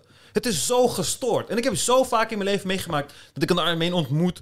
En dat ik dan me schaam om te zeggen dat ik Turk Ja, ben. Ik, ik heb schaam dat me ook. Ik diep. heb dat echt ook. En ik schaam me omdat er idioten bestaan als deze Mogol... die denkt dat hij gewoon een genocide kan ontkennen en het werkt. Want het komt zo vaak voor in de geschiedenis dat we genocides faken, jongen. Het komt zo vaak voor. Het is Ja. zo gestoord. Als je in deze wilt geloven, waarom geloof je niet in holocaustontkenning? Oh, waarschijnlijk doet hij dat ook. Ik moet dat niet zeggen. Maar er zat Turken die dat ook niet geloven. Maar alle genocide denial theories kloppen nooit. Want in de realiteit is het onmogelijk om een genocide te faken, zeg maar. Het is letterlijk onmogelijk. ja. Het is zo raar, man. We hebben ook eh, iemand in de donateursgroep, een Koerdisch iemand, waarvan letterlijk de naam en achternaam zijn geturkificeerd. En zijn vader heeft dus in die Diyarbakir gevangenis gezeten en is daardoor gemarteld en doof geworden en zo. En hij moest gewoon huilen omdat, of was het, wat was het nou? Hij had naar zijn vader gestuurd of Ja. zo. Omdat het gewoon voor het eerst een, twee Turken gewoon überhaupt willen erkennen en het erover willen hebben gewoon. Terwijl we misschien tien seconden erover hebben gepraat. Ja, ja. Maar, dat, maar daarom, als, je, als dit het alternatief is... Dit, is- dit is gewoon 99% van de Turken, hè? vooral Ja. in Nederland. Zo, maar daarom zeg ik toch, Turkije heeft nog zo'n lange weg te gaan. Totdat deze Ja. dingen niet opgelost zijn, gaat Turkije het nooit redden. Gaat gewoon nooit gebeuren. Het is Ja. alsof Nederland voor 99% bestaat uit holocaustontkenners. Het zou nooit goed komen met Nederland. Nooit. Nee, oh my god, stel je voor. Nee, maar zij, en dat, dat is dus moeilijk om in te zien. Die mensen voelen zich nu als Joden die in een land zou wonen waar 99% de holocaust Geen ontkennen. wonder dat ze een eigen land willen eigenlijk. Ik snap het nu wel veel beter. Ja. Zeg maar, het is, het is best wel gestoord, zeg maar. Maar dan is het van, het is een complot. Nee, het is een complot. Want Atatürk had de Armeense overheidsfunctionarissen. Ja, ik bedoel, dat is echt... Dat, Stel je voor, je deelt gewoon een land. Je krijgt kinderen, dit en dat. En je moet er maar op vertrouwen dat dat land...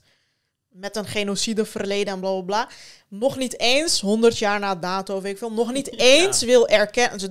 zowel officieel de overheid niet als het volk niet... en gewoon letterlijk 99% van de mensen die in dat land leven... nog niet eens willen erkennen dat je bijvoorbeeld onderdrukt wordt. Ja. Of ooit onderdrukt bent geweest. Of Mhm. ooit een genocide hebt maar er moeten zijn meemaken. gestoorde verhalen. Want daarom, ze koppelen het ook aan genocide, eh, ontkenning van, eh, van de Joden. Eh, dan zeggen ze van, ja kijk, eh, de Armenen zagen dat het succesvol werkte en zo voor de Joden. Dus toen gingen ze er volop op inspelen. Want de Joden die hebben die genocide gehad in hun eigen land gekregen en weet ik veel wat. Dus de Armeense gingen er ook meer op focussen en weet ik veel wat. En dan hebben ze... Maar die zijn allemaal theorietjes. Dan wil Ar- Armenië geen toegang geven tot de archieven. En dan is dat weer bewijs dat er dan wel de vork niet goed in de stil zit of weet ik veel wat allemaal. Dan denk ik echt van... Ja, maar je wilt gewoon niet erkennen dat je een klootzak bent. Erken het gewoon. Erken Ja. gewoon, ik ben een klootzak geweest. Niet eens jij, je voorouders. Je kan gewoon de verantwoordelijkheid van jezelf afwegen. Maar dat kan je niet doen als je het ontkent. Want je ontkent de realiteit. Ja. Zo raar. En besef dat je als Koerd, als Armeen, als Arameer, als weet ik veel wat, dat je sowieso geen eigen land hebt. Dat er bijna geen uitzicht ook is op een eigen land. Ja. En dat ehm, heel veel mensen om je heen gewoon onwetend of ongeletterd of eh, ja, onopgeleid en zo zijn. Waardoor je ook nooit eh, jezelf kan organiseren en zo en kan lobbyen zoals de, zoals de Joden dat hebben gedaan. Ja. En dat je soort van gedoemd bent om je eigen ehm loser status eigenlijk een beetje te, te behouden. Mhm. En waar je dan een beetje op, op hoopt, is dat zeg maar de, de daders van de geschiedenis, dus in dit geval de Turken, een beetje sympathie met je tonen door te zeggen, ja, ik snap het wel, want ja, die genocide was ook wel fout van ons. Ja. Gewoon dat is het enige waar je op hoopt, want je Ja. hebt geen eens uitzicht op een eigen land of zo. Nee. En zelfs dat vinden ze te veel gevraagd. Ja, Gewoon erkennen. Geen herstelbetaling, geen eigen land. Gewoon überhaupt erkennen. Misschien een schoolboek erover, één lesje erover, een museum. Nee! gewoon echt bizar. Bizar. Gewoon, dat is dus gewoon echt small dik eh, gedrag. Van eh, wij hebben zoveel eer dat we, het niet, dat we niet eens een geschiedkundig feit willen erkennen. Ja. Want dan is onze eer geschaad of zo. Ja, precies. En dat, ja, ja. En dan, dat, dan, dat laat toch zien hoe achtergesteld we zijn. Het is alsof, ja, want kijk, hier hebben we het ook over van, oké, deze groepen zijn minder goed behandeld door de jaren heen en weet ik veel. En daarom krijg je dit soort problematiek en whatever. Wat gaan we eraan doen? En daar zit ze nog met, ja, is het wel echt gebeurd, jongens? Is het wel echt gebeurd? Ja, Ja. niemand weet dat. Ik weet nog dat Kardashians, eh, die hadden zich eh, uitgesproken bij een of andere jubileum van de Armeense genocide. Want die zijn een beetje Armeens of zo. Die hadden daarvoor opgenomen en toen eh, waren hun producten in Turkije geboycott en zo. Ja. En kijk, ik ga even meerdere comments er doorheen lezen. En dan, mensen snappen dat ook niet. Wanneer ik zeg van Turken snappen argument niet. Want in geen enkel comment het argument. Ja, Eentje sommige zegt- Nederlanders schrikken van wat wij over Turken zeggen. Dan Ja. denken ze van, oh, zo gemeen zijn ze. Terwijl, je snapt het niet tot je het meemaakt. Kijk, er staat verdiep je in de geschiedenis en geostrategy. Je hebt wel goede analyse, maar vaak bullshit analyse. Omdat geschiedeniskennis en geostrategische kennis tekort schiet. Wat- Dit zijn gewoon woorden. Ja. Gewoon woorden. Ja, Maar hij denkt, ik zeg geostrategy en geo... Ja, hij zegt eigenlijk alleen geostrategy. Van, oh, dat, is, dat klinkt indrukwekkend. Dit werkt in de Turkse kroeg. Het werkt Ja. niet in de echte Het heeft wereld. ook twee likes, zie ik. En dan, Mensen die die twee likes geven, alsjeblieft de-abonneren op dit kanaal. en dan zegt hij, analyse over racisme in Turkije is verkeerd geanalyseerd. Onbewust denk je dat NL en TR cultuur en achtergrond hetzelfde is. Er zijn enorme verschillen. En dan reageert iemand daarop, zijn idee over Turksheid is poep. Hij weet niet wat Atatürk deed, dacht.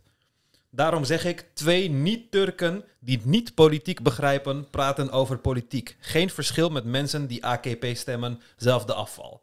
Ja, dit is dus, een, dit is dus gewoon zo'n standaard Atatürk-pijpertje. En dan zijn wij opeens geen Turken meer. Zie je? Want dit zijn van die Atatürk-mensen. Oh, deze comment zag ik niet. Ja. Ja. daarom zeg ik twee Turken die niet politiek begrijpen praten over politiek. Geen verschil met mensen die AKP stemmen. Hetzelfde afval. Ja, dus hij noemt dat niet Turken. Dit is precies waarom oppositie dus ook afval is. Precies, en dit is een seculiere Turk dan zogenaamd. Dit is zo'n Atatürk-pijpertje. En van hun kun je het ook niet hebben. Die Je zijn net zo dogmatisch, maar dan gespiegeld. ja. Ja, het is gewoon... eh, Nou, poep zou ik het niet noemen, maar inderdaad wel kort door de bocht. Lala roept hem nog terug van, oh wacht nou even. Wat Umar hier verkondigt is letterlijk overgenomen van het politieke islam in Turkije om zo de troon te kunnen bestijgen met Wat? succes. Wat van wat ik heb gezegd komt van politieke islam alsjeblieft. Ik weet nog steeds niet waar dit over gaat. Nee, dit is, dit is, kijk, ik heb de kritiek die eh, eh, conservatieven in Turkije hebben van, hey, jullie hebben dit en dat Oh, verboden. racisme jullie in Turkije. Ja, jullie hebben ons vroeger onderdrukt, want dat zeggen conservatieven, hey, van Ja. jullie hebben ons vroeger onderdrukt. Zegt ze, en ik beaam dat van, ja, ze zijn inderdaad onderdrukt, maar volgens deze mensen bestond dat niet. Alles was perfect. Voordat de- Erdogan er was, was Turkije helemaal perfect. En ik van, is onzin. Die mensen zijn onderdrukt. Ja. Maar als ik dat benoem, dan heb ik het letterlijk overgenomen van politieke Dit is precies de reden dat AK-partijstemmers... Ik denk dat ze daarom nog steeds AK-partij stemmen. Omdat ze denken, oké, jullie willen het niet erkennen of begrijpen. Fuck jullie. Gewoon, ik snap wel die... die, die Het is zo ehm, dom. Hoe noem je dat? Die houding. Want die oppositie-Turken, die seculiere Turken... kijken nog steeds neer op die conservatieven. Ja. Ze weigeren nog steeds te erkennen dat die onderdrukt zijn... of heel vaak eh, niet gezien werden in de samenleving. Niet En gerepresenteerd deze guy werden. noemt je letterlijk een niet-Turk, omdat hij het gewoon oneens is met je mening. Ben jij niet meer een Turk? Zeg maar. Twee niet-Turken? Ja. Oh my god, ja, inderdaad. ja. Ik heb nog met een DNA-test bewijs dat ik een Turk ben. Zo gestoord. Is zo gestoord. Maar daarom, ik denk dat Dit, deze... dit zijn die mensen die zeggen dat ik Armeen ben. ja, precies. Precies. En dan is dit... Dan, als Nederlander zou je denken... Oh, dit is een AKP-aanhanger. Want die is ook zo dogmatisch en die praat echt als een Mongool. Maar ja, het is gewoon een Atatürk... eh, zijn idee over Turksheid is... poep. Hij heeft letterlijk onze afkomst zojuist afgepakt van Ja, ons, ja. omdat we een mening hebben die niet strookt met de zijne. Maar hij is, zeg maar, hij, hij is natuurlijk de persoon die daar ook voor, over gaat natuurlijk. ja, gelukkig gaat hij niet over de paspoorten, man. Die is zo dom. En het domme is, van al deze Turken, ze geloven exact hetzelfde wat ze hebben gekregen van hun vaders en hun moeders over hebben gekregen. Je bent geboren in een conservatief gezin, dus gevuld met conservatieve troep. Of seculier gezin, je bent gevuld met seculiere poep. Het is heel simpel. Je zit allebei gewoon in je eigen fucking bubbel. Maar het is niet moeilijk om in te zien. Het is echt niet moeilijk om in te zien dat iedereen een Mongool is. Dat iedereen dom is en dat iedereen kwaadaardig is geweest. En accepteer dat gewoon. Accepteer het. Het heeft elk land die dat heeft gedaan, heeft het goed gedaan. Als, eh, als, als Duitsland nog steeds niet zou accepteren wat het had gedaan, dan was Duitsland niet een van de sterkste economieën van Europa. Dan Ja. was het dat gewoon niet. Ja. Het is zo dom. En ook eh, zo'n hele vage zin als zijn idee over Turksheid, wat is Turksheid, is poep. Wat voor een groep 1 woord is dat? Is poep. Hij weet niet wat Atatürk deed en dacht, waar zijn Hij weet niet wat Atatürk deed en dacht. Waar zijn de argumenten? Waar heb je het over? Jij weet niet wat Hitler deed en Nee, dacht. nee, nee, ik weet, ik weet dat inderdaad niet. Nee. En daarmee heb ik jou de mond gesnoerd Ik door was, dat te ja, zeggen. maar dit is het dus. Dit is gewoon, dit is dom. Je kunt, je, je kunt, waarom je het niet eens bent met mij, kun je niet beargumenteren. Letterlijk. Als ik de tijd zou nemen om een comment te schrijven voor iemand, om te vertellen waarom die persoon fout zit, dan benoem ik waarom die fout zit. Dit is hetzelfde als, hey, hou je bek man. Oh, homo. Dit is hetzelfde als dat. Dit is letterlijk homo schreeuwen vanaf de zijlijn. Dit is, meer dan dat is het niet. Mm. Dit is zo gestoord. Me goddo, ik had echt een hoger niveau van onze luisteraars. Ja, maar dit zijn niet onze luisteraars. Dit zijn gewoon Turken die op deze video zijn gekomen. Door TikTok omdat er, eh, omdat er eh, Turkije staat en zo, politiek klimaat in Turkije en weet ik veel wat. Dan wordt het gewoon gerecommend en dan zien ze het en dan zijn het gewoon, eh, krijg je dat soort, krijg je dat soort reacties. Iemand had het voor me opgenomen, zie ik. Diegene zegt... Ja, dat was die persoon van eerst. Hoi Ahmed, ik vind dat Die een mag vreemde... jou wel, maar mij niet. Oh, waarom dan? Dat is die persoon van net. Oh, het is dezelfde persoon. Ja. Ik vind dat een vreemde opmerking van je over Lale. Lale is juist iemand die veel vragen stelt en niet te snel een oordeel velt. Ja, zo zie ik het ook. Tegenwoordig wordt dat vaak gezien als zwakte, maar ik denk dat het juist goed is om niet overhaast tot een sterke mening te komen. Preach, alsjeblieft. In het programma speelt Lale de rol van interviewer, wat het soms lastig maakt voor Ummer. Hij kan dan heerlijk door blijven praten. Dit maakt het programma zowel vermaak... Huh? Ik snap het niet. Ik snap Ja. die hele zin niet. Het maakt het lastig voor jou, maar jij kan dan heerlijk... heerlijk door blijven praten. Ja, dat klopt ook niet echt. Ik hoop dat dit mijn standpunt duidelijk maakt dat we hierover verder kunnen Het discussiëren. is echt heel raar, want welke standpunt deze persoon heeft niet eens op jou gereageerd. Het is heel raar. Ik weet nooit hoe hun hoofd werkt. Als iemand die gewoon Nederlands heeft gestudeerd en argumentatie heeft gestudeerd, zeg maar. Ja. Voor mij zie ik alleen maar gewoon woorden. Ja. woorden. Volgens mij kan AI betere woorden naast elkaar Ja, ik, zetten. ik, eh, ik, eh, ik vind het... eh, Maar daarom, in dit probleem is letterlijk wat ik probeer. Ik haat het wanneer... Want dit gebeurde ook bij... onder die Eileen video. Onder die Eileen video reageerde er zo'n wappie. En ik had net uitgelegd waarom aspartaam slecht voor je, niet, niet slecht voor je is. En toen kwam hij met... Ja, maar in deze studie staat dat het chemisch is gemaakt. En chemische dingen zijn slecht voor je. Mm. En dan denk ik van, maar ik heb in die aflevering uitgelegd dat alles chemisch is. En dat chemisch niet betekent dat het slecht is. Ik heb het uitgelegd Ja. en nu zeg je dit. En nu gebeurt hetzelfde. Ik heb uitgelegd, ik heb precies uitgelegd wat voor Turken je hebt, wat ze doen en hoe ze reageren wanneer je bepaalde dingen zegt, zoals genocide en weet ik veel wat. En dan komen die Turken en dan vertonen ze precies dat. Ja. Ja. dan denk ik van, ja, maar Dus ze hebben niet geluisterd of ze begrijpen het een niet. beetje zelfreflectie. Of kom met een argument. Alsjeblieft, kom met een argument. Eigenlijk, eigenlijk, als ik ongelimiteerd geld had, dan zouden we gewoon een show moeten doen waar we deze mensen opzoeken. Gaan we gewoon met een camera zo en dan gaan we zeggen, kom met je argumenten, nu, kom. Kom je uit kritiek, kom, vertel je argument. Kom, camera staat hier, die kan gewoon vertellen, kom. Prank. Maar er is gewoon niet. Het is zo Nee. raar, het is zo raar. Maar dan komen ze ook weer met woorden waarvan ze denken dat argumenten zijn. Ga weg, ga weg met die camera. Is niet mijn argument, vriend. Ja.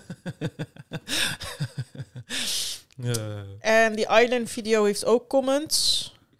Hebben jullie geen betere onderwerpen dan bijna twee uur over andere mensen te praten? Het Oh, en dat is trust. dus... Ja, wacht, ik wil het...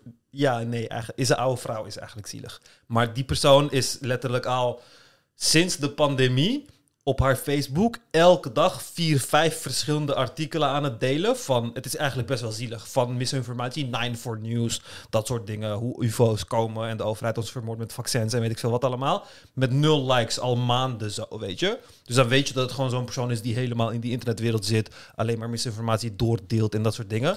Maar dan denk je van, wanneer je zo'n comment leest, denk je van, oh, dat is iemand met kritiek of zo. Maar dan nee, is het gewoon een wappie. En dan denk ik van, ja, sorry, nu kan ik je niet meer serieus nemen. Ene Soufiane noemt jou een domme woeshoem. B12 is geen aminozuur. Zuur. Heb ik nooit gezegd. Kobalt is ook geen aminozuur. Heb Je, ik nooit gezegd. je wilt slim spelen, toch echt een domme woeshoem. Hé, wat? Waar staat dat? Ik heb nooit gezegd dat het een aminozuur Het is. staat onder die comment van Ummer die zo boos wordt over domme mensen die niets van wetenschap weten, maakt, maakt echt mijn dag. Ik heb nooit gezegd, what the fuck, jezus. Mensen luisteren is met hun kont of zo. Zo'n domme argument. Waar, ik ga hier nu op reageren hoor. Wil je mij van drie dagen geleden. aanwijzen waar ik heb geclaimd dat B12 een aminozuur, domme woeshoem. dat B12 Dat en bondiemuk. kobalt aminozuren zijn. Maar ik ga geen reactie krijgen. Dan denk ik, ik doe dit. En wanneer ik dit doe dan, wanneer ik op zo'n domme dingen reageer Wacht, ik thuis... ga op zijn profiel Dan kijken. zeggen mijn vrienden ook van, wat doe je? Zeg, wat doe je? Het zijn domme mensen. Ga je ze iets bijleren of zo? Zijn profiel is... Hell is empty and all the devil are here. All the dev oh, all the devils are here. Hell is empty and all the devils are here. Ik geef je letterlijk 100 euro als je aanwijst. Ja, nou dat, hier. En let op hoe ik geen reactie ga ontvangen, zoals altijd. Echt zo dom. Het is zo dom. Oh my god, het is zo dom. En dit is ook, deze persoon, ik weet, ik weet al wie deze persoon is. Kijk, je wilt slim doen, toch? Echt een domme woeshoem. En hij zegt B12 is gewoon aminozuur. Dus het is een persoon die weet dat B12 geen aminozuur is. Dat is heel logisch om te weten, simpel om te weten. Ik heb ook nooit genoemd dat B12 een aminozuur is. Vooral kobalt. Kobalt is een metaal. Waarom de fuck zou ik zeggen?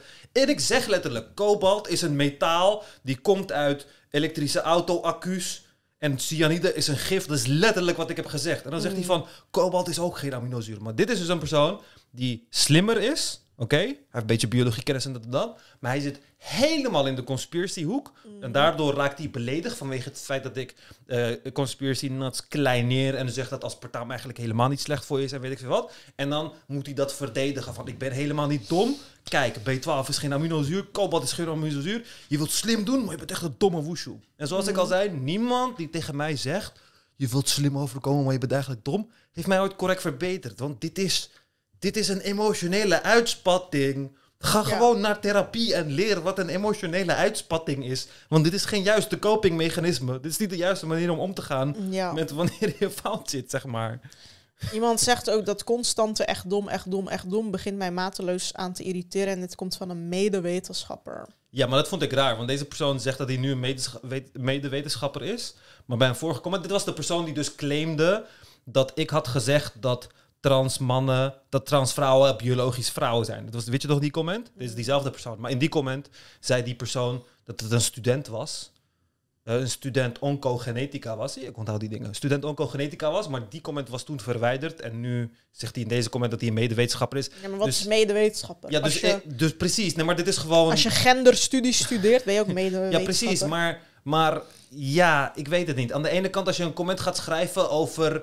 Dat je het helemaal niet begrepen hebt wat wij hebben gezegd. Dat ik zogenaamd heb geclaimd dat transvrouwen echte vrouwen zijn. En dat ik en Izzy daarover hebben gediscussieerd. Terwijl we nooit daarover hebben gediscussieerd. Dat je dan die comment verwijdert. En nu zegt dat hetgeen jou in die video irriteert. Het feit is dat ik iemand die honderdduizenden mensen voorliegt met schadelijke misinformatie. Dat is niet irritant. Maar het feit dat ik haar dom noem, dat is irritant. Mhm. En dan heb je. Dit is hetzelfde als die persoon van net die dan zegt van. En je zegt niet constant echt dom, echt dom, echt dom. Nee, je ik heb zegt haar- gewoon over uitspraken die dom zijn, dat ze echt dom Ja, zijn. precies. Maar ik heb haar. En het is ook niet zeg van. Ik zeg ook niet van. Oh, het is dom en daar laat ik het bij. Ik zeg waarom het dom is. Nee, ik zeg dat het dom is. En daarna onderbouw ik waarom het dom Ja. is. En dan is het ook gewoon echt dom. Maar Ja, dit- dit- moet- dit- wat moeten we het dan noemen? Het is Ja. een beetje dom. Nee, ik, kan, je, ik had. Oh, het is misschien wel. Ik had dus een. Ik had dus een, een lijst van. ehm, even kijken. Alternatieven voor dom. Dus cognitief uitgedaagd persoon, bijvoorbeeld. Dat klinkt minder erg. Of epistemologisch beperkt individu. ja, Synoniemen heb een, je een, conceptueel belemmerde persoon. Of een theoretisch Laag achtergestelde begaafd. denker. Theoretisch Of achtergesteld. een ideeënarm individu. Ja. Wist je dat ze korte mensen ook verticaal uitgedaagd noemen? ja, ja. Ja. Een epistemologisch falende entiteit. en dikke mensen geloof ik horizontaal uitgedaagd. Ja, maar ja, weet je, ik ga domme dingen dom blijven noemen. Ik wil best cognitief uitgedaagd persoon zeggen voortaan, maar het is gewoon dom. Het is gewoon dom. En dat is wat ik ermee Iemand met een laag bevattingsvermogen. Ja, maar ik, ik vind het ook raar dat ik dan iemand... We hebben het over iemand die letterlijk, die letterlijk honderdduizenden mensen misinformatie voorschotelt over verschillende onderwerpen. Dat ontkracht ik. En dan is je irritatie dat ik het dom noem. Ja, sorry. Dat is echt, ja. Dat is gewoon weer iemand die eigenlijk op zijn eigen standpunt is. eh Dat schreeuwt... je dat? ja. Door, jou, door jou voelt aangesproken omdat zij eigenlijk dat ook vinden of zo. Ja, ja. Iemand zegt nog van... ehm Ummer kan zich een beetje intens uitdrukken, maar tegelijkertijd krijgen we ook allemaal een gratis scheikundelesje en het gaat wel ergens over. Ja, precies dat. ja. Iemand had een eh, vraag gesteld eh, over sterrenbeelden. Ik vind dat best een interessant onderwerp. Ben benieuwd hoe jullie daarover denken. Oh, of- we daar, een- we hebben daar wel ooit, hebben we daar ook niet een aflevering over gedaan? We hebben toch een aflevering van Lale gaat naar de psycholoog of zo? Nee, naar astroloog. de astroloog. de psycholoog. Ja, het is gewoon onzin. astroloog. We vinden het allebei onzin. Ja, het is gewoon onzin. Er is geen wetenschappelijke basis voor. Nee.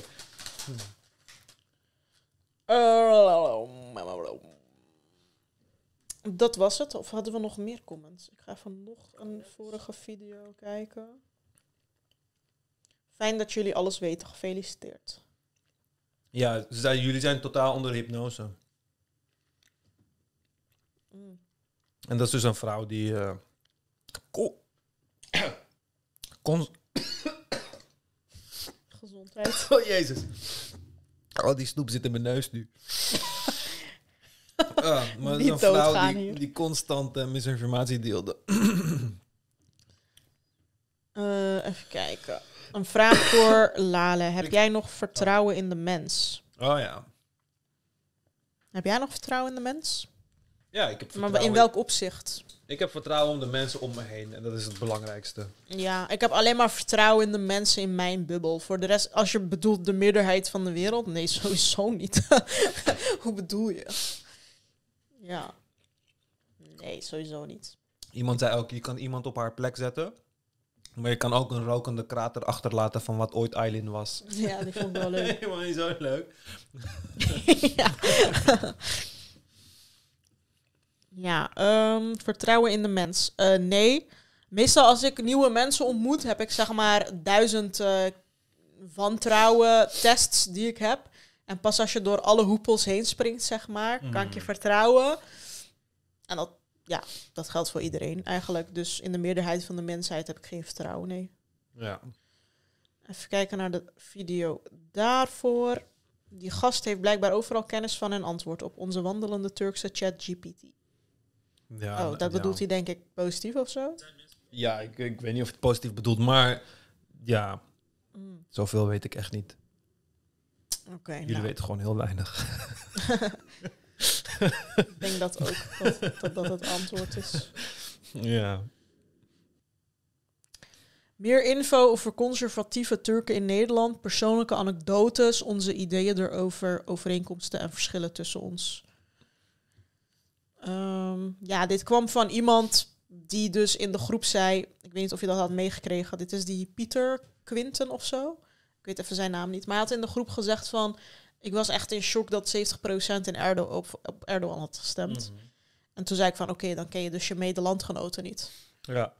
Dus hij zegt dan van, ehm, kun je daar meer informatie over geven? Ja, maar net zoals je mensen hebt die... Kijk, bijvoorbeeld je hebt mensen die alleen maar conservatieve Turken om zich heen hebben. En het idee hebben dat Turken alleen maar conservatief zijn. Maar je hebt ook heel veel Nederlanders die seculiere Turken om zich heen hebben. En die denken van, oh ja, ik ga met Hassan naar de kroeg. En zijn vrouw is ook modern. Die gaat shoppen met mijn vrouw. En die kinderen zitten bij ons op voetbal en hockey en weet ik veel wat allemaal. Ja. En dan denk je dat Turken zo zijn. Dan ga je naar Istanbul op vakantie en dan denk je van... oh ja, ik zie wel af en toe wat hoofddoekjes en weet ik veel wat... maar het zijn wel moderne mensen. Maar ja, iedereen Ja. heeft gewoon zijn eigen bubbel. En die beide extreme heb je. En in de realiteit is het gewoon eh, zo... dat een groot deel van de mensen conservatief zijn... en eh, een wat minder groot deel seculier. En heel Ja. vaak kan je het zelfs aan de uiterlijk niet zien, hoor. Heel vaak kan je het uiterlijk niet zien... want soms heb je heel seculier uitziende mensen... die dan eh, Klopt. gewoon Erdogan stemmen. Ja, persoonlijke anekdotes. Heb jij die met conservatieve Turken? Ehm, ja... Ja. Gewoon mijn familie. Ja, wat voor anekdotes moet ik hebben? Ja, precies. Dat is een beetje moeilijk om zo op te Ik raken. heb wel, zeg maar, in Turkije, dan gingen wij naar het dorp.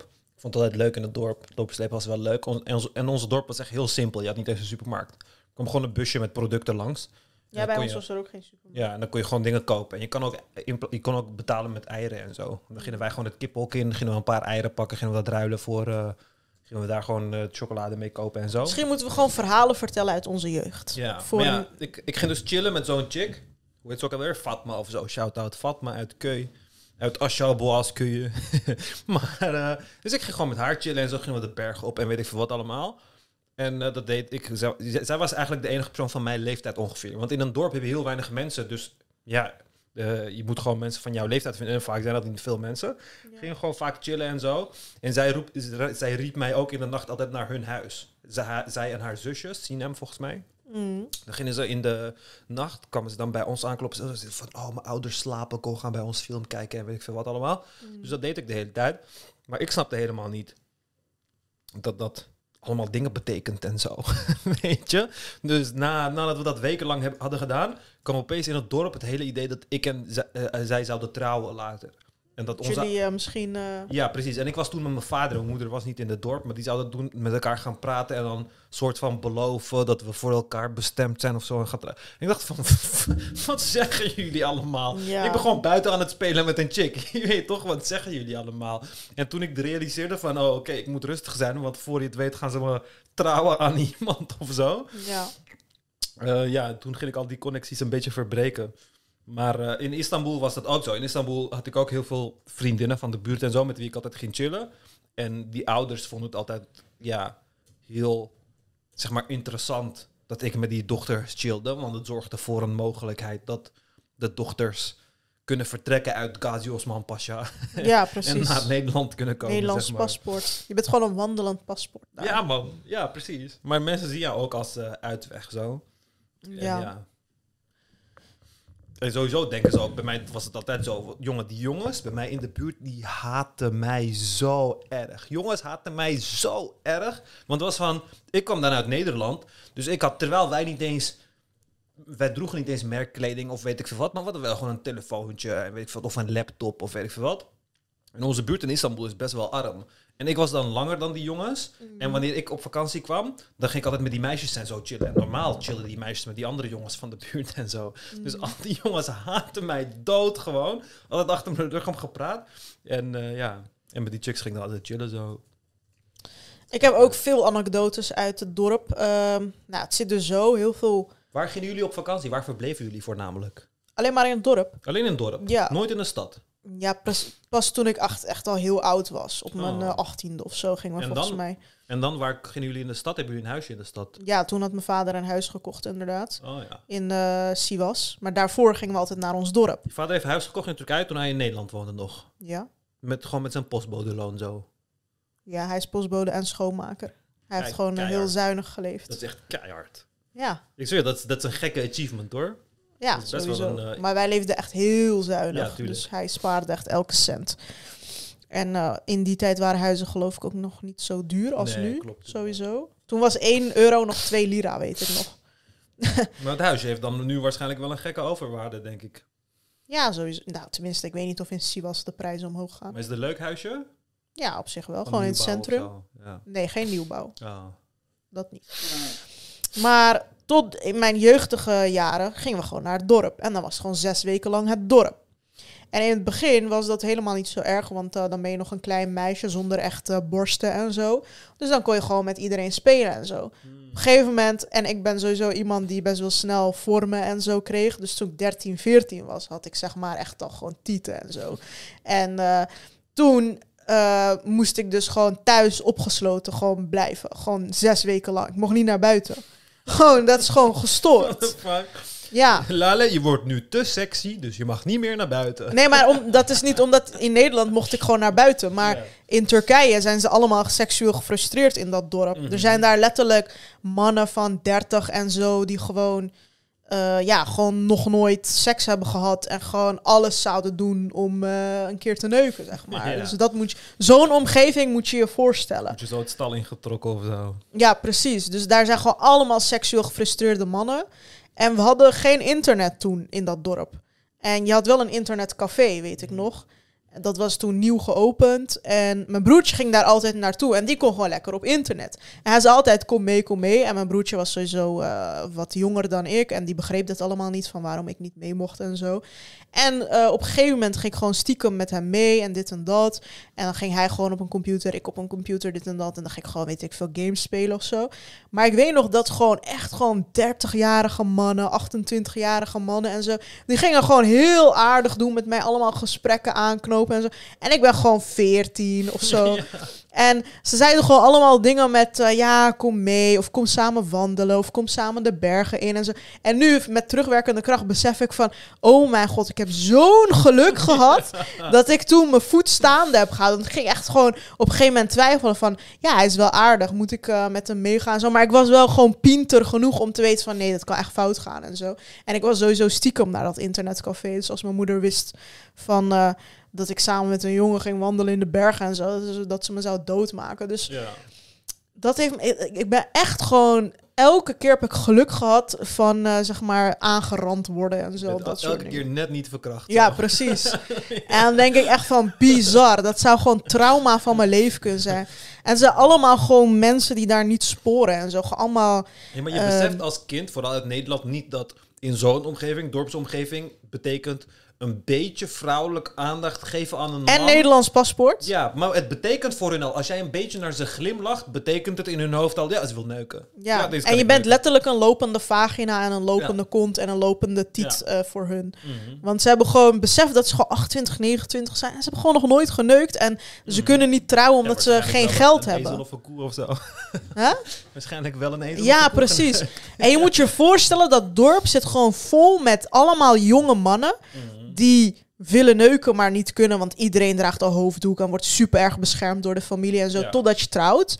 Maar om te trouwen moet je weer geld kunnen leveren en een bruiloft kunnen betalen en een huis kunnen hebben, wat ze allemaal niet hebben. Ze, ze hebben misschien een eh dode scooter of zo, maar voor de rest hebben ze niks, want ze hebben geen, er is daar uitzichtloosheid. Waarschijnlijk hebben ze alleen de basisschool afgemaakt of niks. Ja. En ze hebben gewoon letterlijk geen werk. En ze zijn een van de zes zonen die die familie heeft en zo.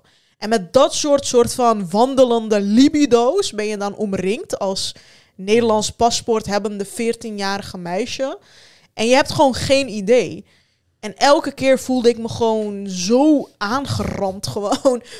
Dat, ik, dat ik mijn leven echt haatte in dat dorp. Dus op een gegeven moment ging ik ook niet meer naar het internetcafé en zo. En mocht ik soort van alleen op het balkon van mijn opa en oma een beetje ademhappen. gewoon, gewoon echt zo gewoon. Of naar de buurmeisjes gaan of zo. En dan werd je nog begeleid door je moeder of door je broertje of zo. Je mocht sowieso nooit alleen op straat. Letterlijk, nu je dit zegt, want ik zit nu terug denk ik denk zo van nee, mijn tijd in Keulen en zo was best wel leuk en zo. Maar alleen nu je dit zegt, nu pas, denk ik van hé, maar wat deed mijn zus eigenlijk? Niks. En ze deed inderdaad gewoon helemaal niks. In en de keuken zitten. Keu. Ja, Ja. en ze haatte keu. Ja, mijn broertje vond dat. keu geweldig. Ik haat de keu. Ja. En waarom denk je dat het is? Omdat ik geen fucking piemel heb. Gewoon Ja. zo kut voor je. Wat lijp. Jee, ik heb daar helemaal niet zo over nagedacht. Ik besef dat nu pas gewoon van mijn zus. Ja, Jezus. omdat jullie mannen nooit jullie privileges beseffen. Ja, echt lijp. Ja, echt. Ik haatte mijn leven. Goh, als ik weer in Nederland eh, voet zette, dacht ik echt van... Ik hou zo erg van dit land gewoon. Oh my god. Want ik associeerde ook Turkije met keu, weet je wel. Ik, Oh ja. ik associeerde het niet met eh, een, een soort romantisch beeld van Turkije, van Bodrum of zo. Of weet ik veel wat van de mooie plekken. Nee, voor mij was het gewoon die achterlijke keu waar niemand, waar iedereen werkloos was, waar niemand een opleiding had, waar iedereen eh, elk momentje kon verkrachten of aanranden. En eh, waarbij ook iedereen, ook de vrouw, de oudere vrouwen en zo, waarbij iedereen het had over wanneer ga je verloven, wanneer ga je trouwen, dit, dat. eh, we, hebben, we hebben nog een zoon voor je. Gewoon, je wordt gewoon letterlijk als een wandelende kut gezien. Het is echt zo frustrerend. Je wordt zo geseksualiseerd op jonge leeftijd, dat je ook als, ja, je kan niet anders dan als Turkse meid op een gegeven moment denken van, oké, ik moet mezelf gewoon van iedereen beschermen, want het kan gewoon eh, elk moment fout gaan of zo. ja. Ja. Was het in Siwas wel eh, chiller of zo? Ja, sowieso. Toen we eenmaal een huis hadden in de stad, eh, ja, daar, daar lopen natuurlijk niet alleen maar gefrustreerde mannen of zo. Ja, het is gewoon een normale stad. Dus je kon op, jezelf wel erop uit of zo? Nee, dat, dat mocht ik niet, maar ik ging wel heel Oh. vaak met mijn broertje erop Oh. uit. En dat was ook gewoon helemaal prima, want dan kon je gewoon naar een cafeetje of naar een restaurant of naar een Ja. winkel, naar een eh, winkelcentrum, eh bolen, bioscoop, dit en dat. Ja. Maar sowieso altijd met broertje. Want op het moment dat je eventjes alleen was, had je ineens aanspraak van iemand. Weet je wel, dat je denkt, ga weg, Engert. Gewoon echt. De, gewoon, ze zien gewoon, je komt uit Europa. Want dat zien ze aan je kledingstijl en dit Ja, en man. dat. En het is echt eng. De manier waarop Turkse mannen je approachen. Jongen, ik ging letterlijk. Dan wacht mijn vriendin gewoon buiten. En ik ga letterlijk even naar boven het hotel iets halen. En dan zegt ze: Ja, ik kwam echt een fucking rare zenuwachtige Ja, gewoon elk me moment. aanspreken, Zo. Ja, gewoon elk moment. fuck?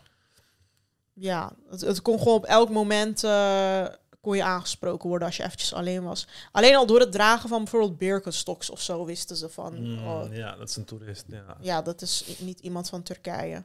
En sowieso door je huidskleur, je bent wat witter. En dan de Turken daar die heel veel Mhm. zonuren hebben, zeg maar. En eh, je kleding ziet er wat, dus, weet ik veel, nieuwer uit en dat soort dingen. En eh, ze zien je ook, zeg maar, naïef om je heen kijken. Als je bijvoorbeeld de weg niet weet en zo. Komen ze, ze hebben gewoon, zeg maar, zo x-ray ogen van, oké, Ja. haar kan ik wel hebben of zo. ja. Ja. Terwijl je juist zou denken dat de vrouwen die in Nederland zijn opgegroeid juist recht door die mannen heen kijken zo, zeg maar, weet je? Dus die mannen maken echt geen schijf van kans. Zelfs als ze zo'n approach zouden proberen. Mm. Want dat denken mannen meestal. Mannen denken meestal van, oh, vooral wanneer oudere mensen, oudere mannen voor jongere mannen gaan, zijn het gewoon van die mannen die weinig zelfvertrouwen hebben, niet goed met vrouwen van hetzelfde niveau om kunnen gaan. Nee, het waren gewoon allemaal enge types. Van die ielige, dunne, kansloze Ja, ja. Ja, jongens van 28 die gewoon seksueel gefrustreerd Maar die zijn. zoeken over het algemeen niet vrouwen van hun eigen leeftijd en niveau en dat soort dingen. Maar die zoeken naar een jonger, dommer, Een m- naïef iemand, Precies, ja. dat, dat gaan ze dan zo zoeken. Terwijl je eigenlijk geen schijn van kans maakt. Want ja, in Nederland word je letterlijk klaargestomd met lover boys en dit en dat. En daar moet je voor opletten en weet ik veel wat allemaal. Nee, maar goed, als je naïef en dom bent, dan Ja, kun je ja, wel tuurlijk. ervoor vallen hoor. Bedoel, je hebt nog steeds grotere kans dat je zo een slachtoffer maakt dan dat je een ouder eh, iemand als slachtoffer kan nemen. Dus je probeert het bij 14, 15, 16-jarigen. Dus eh, ja, mijn anekdotes van Turkije zijn gewoon allemaal kut. Ehm, en oké, wat deed ik nog meer in dat dorp? Ja, je had gewoon overal heel veel dieren vooral. Jezus, eh, je hebt ook nooit in het strand. Oh jee, dat heb je dat nooit gedaan. Nee, in Sivas heb je geen strand. Ik ben nog nooit naar een strand geweest in Turkije. Jezus. Nog steeds niet, trouwens. En ehm, ja, je had letterlijk geen activiteiten. Er was ook in die tijd geen internet in, die, in, in dat dorp. Ja.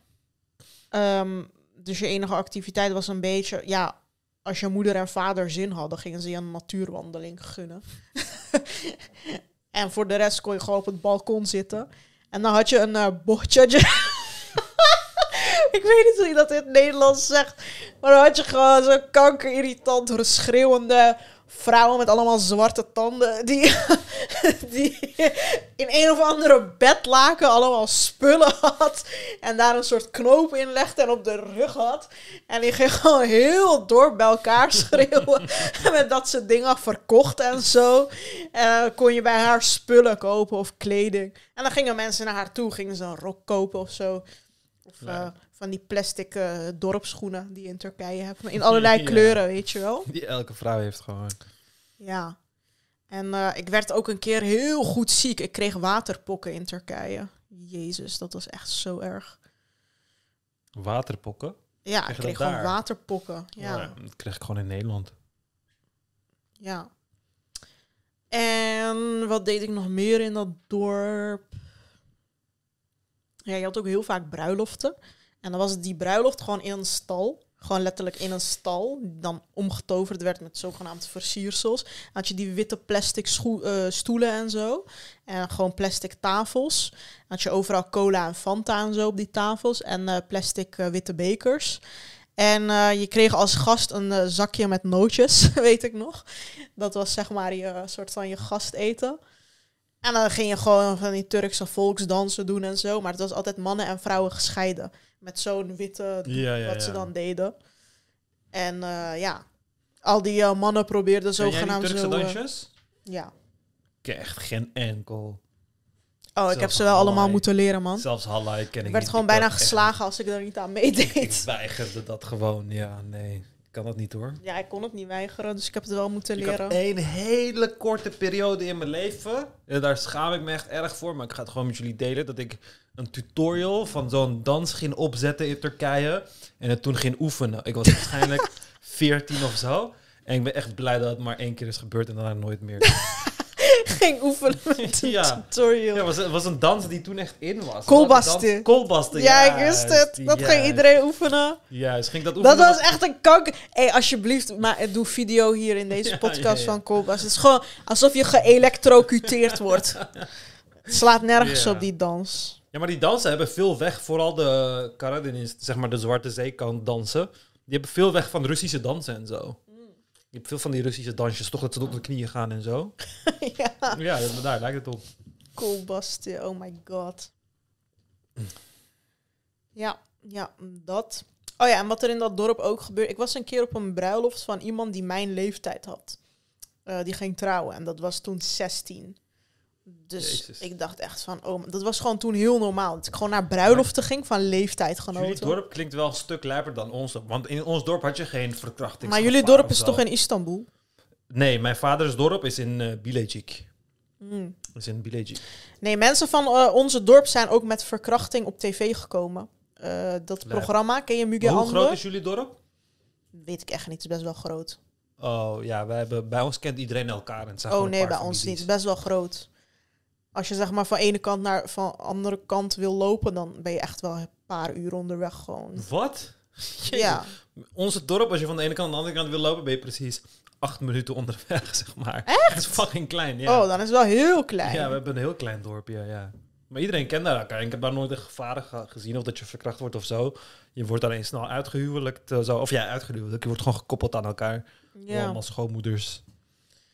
Nee, je hebt dat eh, Turkse programma op tv, Müge Anlı. En daar komen de meest extreme gevallen, die zo- een soort van onopgeloste cases zijn en zo. Ja. En ons dorp was dus met verkrachting op dat... eh, Iemand van ons dorp was eh, met verkrachting en moord daarna in dat programma gekomen. En dat is volgens mij nog steeds een onopgeloste case. Ja, Siwas is anders, man. Jullie, jullie, jullie mensen zijn gewoon uit ander hout gesneden. Ja, man. Maar je hebt sowieso... Kijk, Siwas is gewoon een heel grote provincie. Dus het is Ja. ook verkeerd om dan... Hoe, Eh. wa- hoe waren de stemmen daar eigenlijk? Dat weet ik niet, dat weet ik niet. Maar kijk, Siwas is voor een groot deel ook Alefiet, hè? Je hebt Oh, zeg ja. maar Alefieten en Soenieten. En die Alefieten zijn gewoon allemaal vrij modern. Ja, En je hebt ook gewoon Alefitische dorpen en Soenitische dorpen. En ze mengen ook nul met elkaar, zeg maar. 73% Erdogan. Ja, dat zegt eh, genoeg. Jezus, dat is wel een van de grote... Wow, je hebt buurten waar gewoon 92% Erdogan Ja, dat is Hoe ons heet- dorp. Doğanşar, Nee, Kumbet heet het. Kumbet met een K. Ja. Oh, die zie ik Maar niet. je hebt heel veel Kumbets in Siwas. Dus ik, je moet echt Kumbet kun je Zara. Yıldızeli, Ulaş, Ja, het is in Yıldızili, ja. Oh ja, nou daar 80% heeft Erdogan gestemd. Maar Yıldızili is ook weer heel groot, hè. Daarin heb, we, heb je ons dorp. Ja. 80%, Jezus Christus. En 84%. Nou, het verbaast me nog dat het niet 95% is eigenlijk. Fucking gestoord, Jezus. Maar die 20% die niet op hem hebben gestemd, hebben sowieso of op de nationalistische partij Nee, ze hebben gestemd. op uh, hij heeft 20%. Oh, maar dat zijn die Alefieten. ja, waarschijnlijk. Want Siwas heeft heel veel Alefieten. Ja, waarschijnlijk zijn het alle fieten, ja. Soenieten gaan niet op hem stemmen. En weet je wat ook op een gegeven moment gebeurde? Ik was dus gewoon, gewoon eh, la la la aan het wandelen in de zon. Opeens, ik zie iets en ik had zo'n stok in mijn hand. Dus ik draai dat ding zo om op de grond. Is het een schedel? is het een schedel? Van een dier. Dat wist ik niet op die leeftijd. Maar ik Ja. schrok me dood. Was Ja, ik- maar het leek op een mensenschedel. Ja, ik, vind, ik vond ze altijd. Altijd in de bergen, dan vond je gewoon botten en schedels en dat soort dingen. Ja. Koeienschedel. Oh ja, je had ook overal slangen. Je moest altijd oppassen voor Ja, ik ging slangen. altijd vangen en toen werd ik altijd gebeten en zo. Echt kut. Oh my god.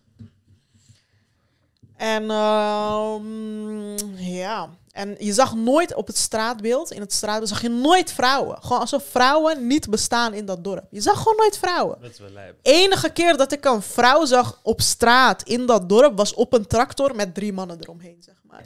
Nee, bij ons konden, konden mannen en vrouwen wel gewoon praten. Maar iedereen was gewoon zo moslim. Maar je kon gewoon met elkaar praten. Maar het was niet zo streng. eh. Nee, ja, alleen is- de oudere vrouwen konden zeg maar met, met mannen praten. natuurlijk. Dus dat verschilt wel heel erg van. Ik merkte als je op een gegeven moment een bepaalde leeftijd hebt, kan je wel gewoon met mannen praten. Maar op jonge leeftijd sowieso niet. Want dan gaan mensen denken dat je flirt of zo. Of Ja. vreemd gaat of zo. Ja, ja precies. Ouderen die hadden scheid inderdaad. Die praten gewoon. Als je eenmaal boven de, als je zeg maar de overgang hebt ge- gehad, Ja, dan mag je, dan mag je wel met, uitpoepen, dan... ja, dan mag je met mannen praten. ja. En je merkt ook dat die vrouwen zeg maar gewoon heel gezellig en rustig met mannen konden praten, zeg maar. En dan is het van gewoon, hé, hey, wat doe je, dit en dat. Maar die jongere vrouwen gewoon absoluut niet, weet je wel. En dan kon er een roddel ontstaan of zo. ja. Ja.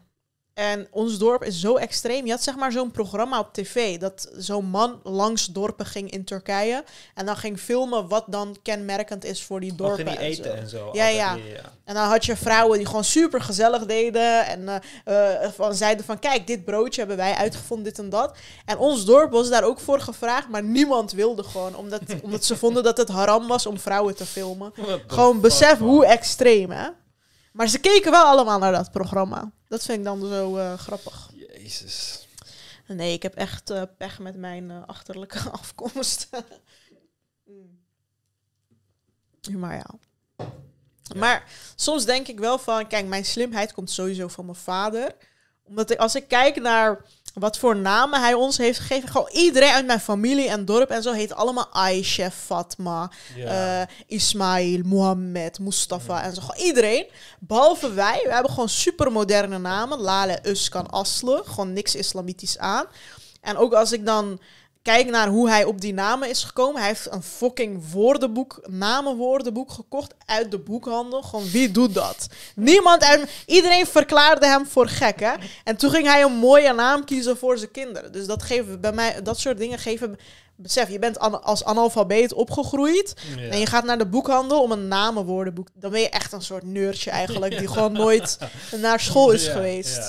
Dus ik weet wel bijna zeker dat mijn intelligentie van mijn vaders kant komt. Mijn vader kan ook nooit, zoals andere Turkse mannen, hij heeft geen agressie, hij kan niet schelden, hij is best wel een rustige man. Hij is net zo'n Kılıçdaroğlu, gewoon zo'n schoolmeester is het. Hoe hij praat, maar hij is gewoon nooit naar school geweest. Dus ik weet wel zeker dat, dat ik het van hem heb. Denk ik. ja, waarschijnlijk wel. Ja, anders had ik ook wel Aisha Fatma Hayriye gegeten. Ik ben echt blij dat eh, ik niet uit iets aan of zo, dat van dat soort plekken kom, man. Maar daarom, bij ons is het heel raar, want bij ons zijn wij, zeg maar, de meest conservatieve van iedereen die er in Turkije bestaat. Dat is het rare eraan. Ja, wij Oh. zijn de meest conservatieve. Dat Want is ik echt heb, raar. ik heb bijvoorbeeld tantes die zich gewoon zonder hoofddoek laten zien en zo soms. Ze dragen wel hoofddoek. Heel veel dragen geen hoofddoek. Bij mij is er eh, niemand die geen hoofddoek draagt. Nee, bij niemand. ons Dat is gewoon ik heb, ik heb automatisch. genoeg, eh, nichten en nee, eh, nichten die geen hoofddoek dragen. Dus die Mm. heb je allemaal. En dat is gewoon heel... Wat mijn moeder zou nooit accepteren dat ze een bruid had zonder hoofddoek. Nee, mijn moeder ook niet. Maar in Turkije, al mijn nevens, eh, vrouwen hebben gewoon geen hoofddoek. Dat is gewoon hartstikke normaal. En daarom, wa- wat bijvoorbeeld, ze komen allemaal uit het westen en zijn allemaal ook, die families zijn ook vrij gemoderniseerd. Vooral mijn oma's kant. Mijn oma's kant, iedereen is fucking modern gewoon. Maar mijn oma is gewoon, heeft ooit ervoor gekozen om moslim te zijn. En ja, die heeft iedereen erin meegenomen zo. ja, maar dat, ja, maar dat besef je ook niet, hè. Wanneer je zo, wanneer je een religie uitkiest, zo, van ongelovig naar religie gaat, dan besef je niet dat je die religie eigenlijk forceert op iedereen, al jouw nakomelingen, totdat iemand weer de ballen gaat hebben om eruit te stappen, zeg maar. Ja. Ja. Ja, dat, is, dat weet je allemaal niet. Ja. Best wel eh, grappig. En ehm, hoe, hoe gingen de bruiloften bij jullie? Ik ben echt bijna nooit op een bruiloft geweest. Ik denk dat ik in mijn leven... Wat? Ja, ik ben echt... Ik ben letterlijk op 2000 Ik ben op mijn Turkse zus bruiloft, bruiloft geweest. Maar, Ehm, maar had je dan niet veel familie?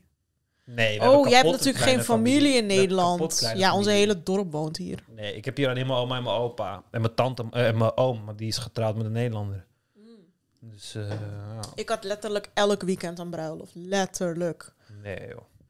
Oh my god, ik haatte mijn leven zo erg. Ik heb gewoon, ik heb, zeg maar, mijn vader heeft twee broers en mijn moeder heeft één broertje. En dat is gewoon de hele familie. Ja. Bij ons waren ook altijd mannen en vrouwen gescheiden.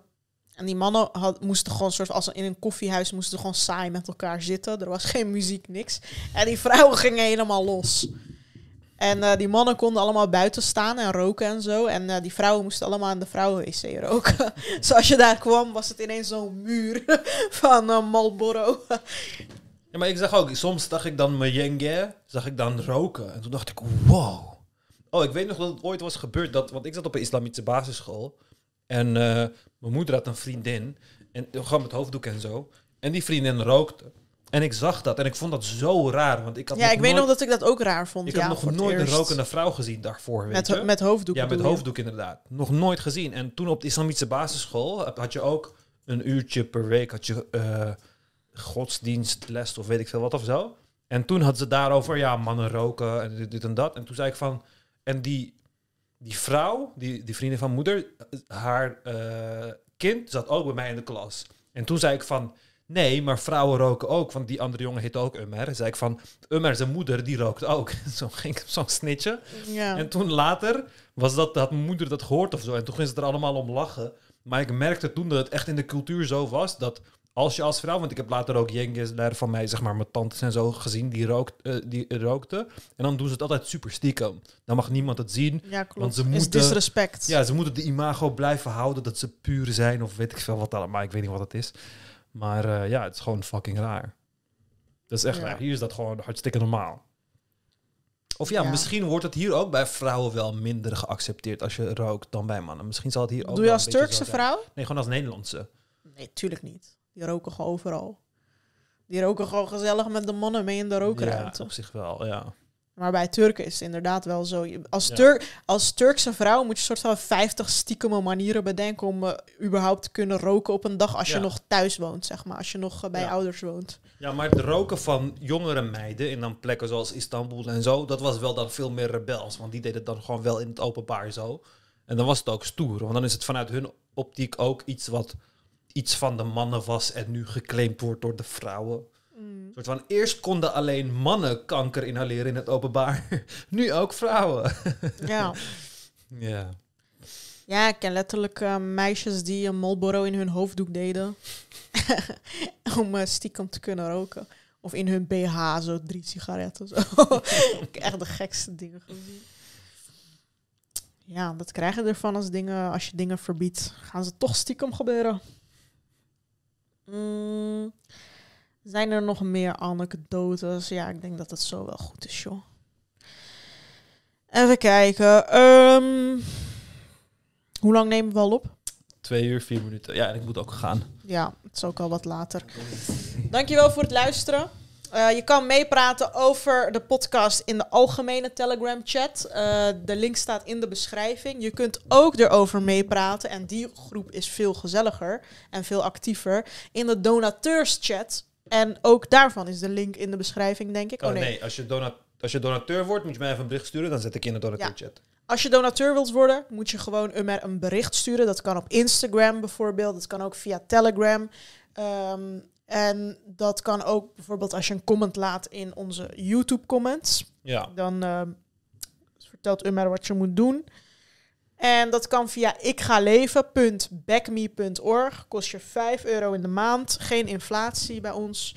En ehm, ja, dan heb je toegang tot extra content. Zie je alle video's vier weken van tevoren. Dan de, no- de niet-donateurs. En ehm, ja, dan kom je in de speciale donateursgroep. Eh, we, maken, we gaan ook kookvideo's maken, speciaal voor de donateursgroep. Dus als je die wil zien, kun je ook donateur worden. Dankjewel voor het luisteren en tot de volgende Tot de keer. volgende keer.